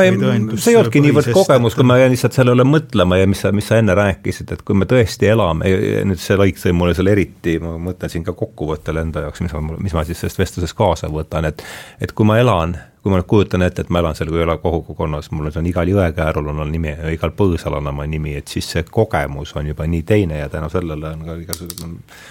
mis me siin pool siin ähm, muigega sai seda sõna tõenduspõhisust öelda, et, et noh, see on ju, kuivõrd kogemus on teine, siis on ka tõendid äh, selles ühiskonnas ja selles maailmapildis ju teist, teistsugused, tundub mulle, ma mõtlesin, et kas, kas te, kas see mõte on jälgitav või, või aluseks on ikka see, kuidas meile see koolis selgeks õpetatakse, kuidas tuleb maailma näha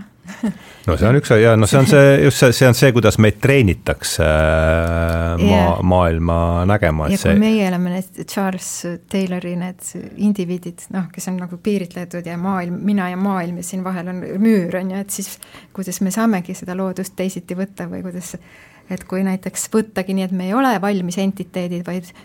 ütleme, kui mina siin ennast tutvustasin, siis ma ütlesin nagu selle valmis entiteedi, ma olen folkloorist ja nagu välise vaatega, kui ma ütleks seestpoolt, siis ma võiks öelda nagu mittemodernistlikult, et mina olen eneseloomeprotsess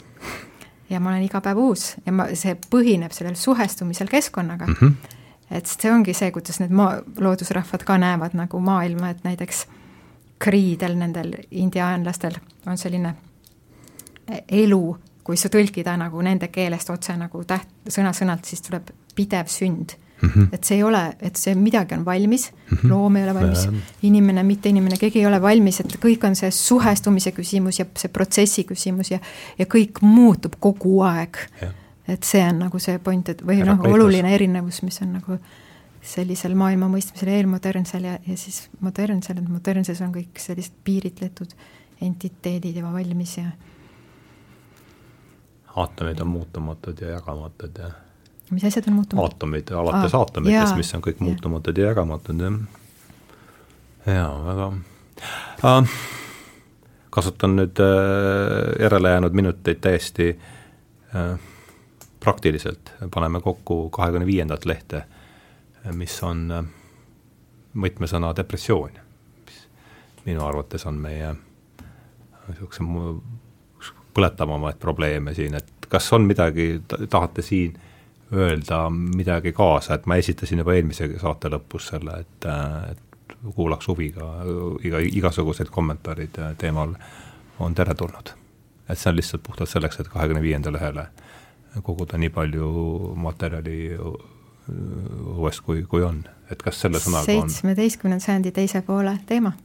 Rupert Sheldrake on sellest kirjutanud kusjuures no, et siis hakkas levima see asi ja. nagu depressioon, kuigi seda nimetati võib-olla melanhoolia, mm -hmm. et äh, ja see seostub ka libahundi-protsessidega, millest me rääkisime, et seal ju neid libahunte, kuidas siis keegi hakkas käsitlema, et kui see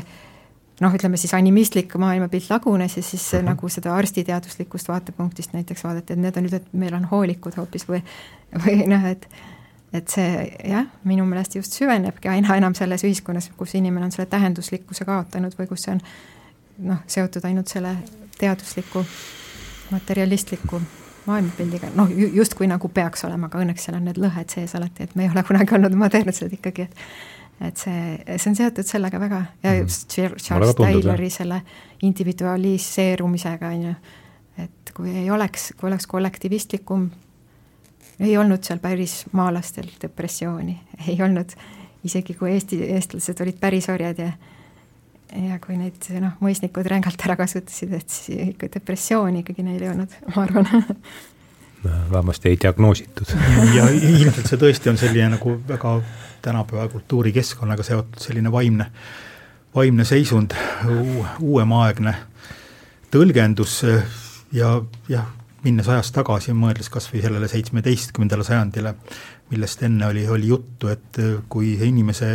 elu kulges ikkagi nagu väikeses, suhteliselt väikeses ruumis ja ja keskkonnas ja see inimese elu tõenäoliselt ei olnud ka väga, väga pikk, et kui, kui pikk oli see, oli see keskmine eluiga, oli see kolmkümmend, nelikümmend aastat võib-olla, sest laste suremus oli väga, väga suur sel, sel ajal. Et ilmselt need, need mured ja, ja, ja vaevad ja, ja härad olid, olid teistmoodi, pigem rohkem füüsilised kui, kui sellised vaimsed, mingi vaimne ängistav kannatus, mis, mis kuulub pigem sellise jah, linna, linnakeskkonna juurde, kus me oleme üksteisest eraldatud ja ja elame ka väga intensiivses, hoopis teistsuguses maailmas. aga teema, mis on praegu väga, väga oluline just, märgib seda meie kahekümne esimest sajandit, ma arvan. Minule tundub, et need Luteri ajal, mis need lauluraamatud ka eesti keeles ilmusid, sealt tuli see individualistlik maailmanägemine tugevalt sisse, et mina ja Jumal, et enne noh, kui vaadata neid pulmakombeid ja need olid nagu nii noh, kogukond, see oli A ja O ja siis tuli see indiviidi, üksiku inimese suhe Jumalaga nagu aga regilaule loodi edasi õnneks, et eestlased ei võtnud nagu väga seda omaks. et veel üheksateistkümnenda sajandi keskel Nois kirjutab, et et eestlased, et neil on juba seitsmeteistkümnendast sajandist tõlgitud neid riimilisi laule, ikka veel nad ei ole ikka hakanud neid ise looma, noh siis nad juba vaikselt hakkasid, aga ikka nad veel teevad oma regilaule selles nagu ma-, noh, vanas mõtteviisis on ju, et mis oli nagu teistsugune ikkagi, et et hästi kaua püsis minu meelest eestlastel see mitte individualistlik mm -hmm. lähenemine jah, Sheldrak tõepoolest selle reformatsioon ja igatepidi, kus ma, kus otsast ma seda ka ei vaataks, ma oma siis asjaarmastajaliku rännaku käigus olen jõudnud üha enam selle, kui olulist rolli on ikkagi reformatsioon kogu selles meie, meie maailmapildis mänginud, võiks teha siin veel ühe lisaküsimuse, kuivõrd meil tuleb siin kell viis tuleb juba järgmine vestlus peale, siis peame praegu siin tõmbama sellele vestlusele joone alla, et ma tänan teid väga, ma ootasin seda saadet äh, pikalt ja mul on hea meel, et see lõpuks sai tehtud et aitäh, Merili Metsohi ja aitäh, Ülo Palk tulemast ja ja ikkagi kaks tundi päevast eraldada on suur kingitus mulle, nii et äh, aitäh teile ja tänan kutsumast! ja, ja tänan kõiki, tänan teid ja tänan kõiki, kes on äh, tulnud seda saate teinud võimalikuks ja ja lähme siis lahku veel suuremate sõpradena, kui me enne olimegi, nii et äh, tõmbame joone alla ja jaa aitäh ja meie ees siin on igasugused äh, raamatud äh, trükis, et, et õnneks me ikkagi elame ka selles kultuuri, äh, kirjakultuuri keskkonnas, et, et luterlik reformatsioon on toonud meile ka kirjaoskuse ja teist, teistmoodi ja. mõtlemise, et midagi meile, meile ka juurde anda, muidu on ta midagi meilt võtnud. just nimelt jah, et ei, ei saa tema positiivset külge ka sugugi jätta tähele panemata. Meril, tahad sa lisada veel lõpuks, enne kui mikrofoni välja lülitame? ei saa enam, aitäh. aga siis suur tänu teile ja, ja, ja lähme siis tänaseks laiali, kõik. aitäh.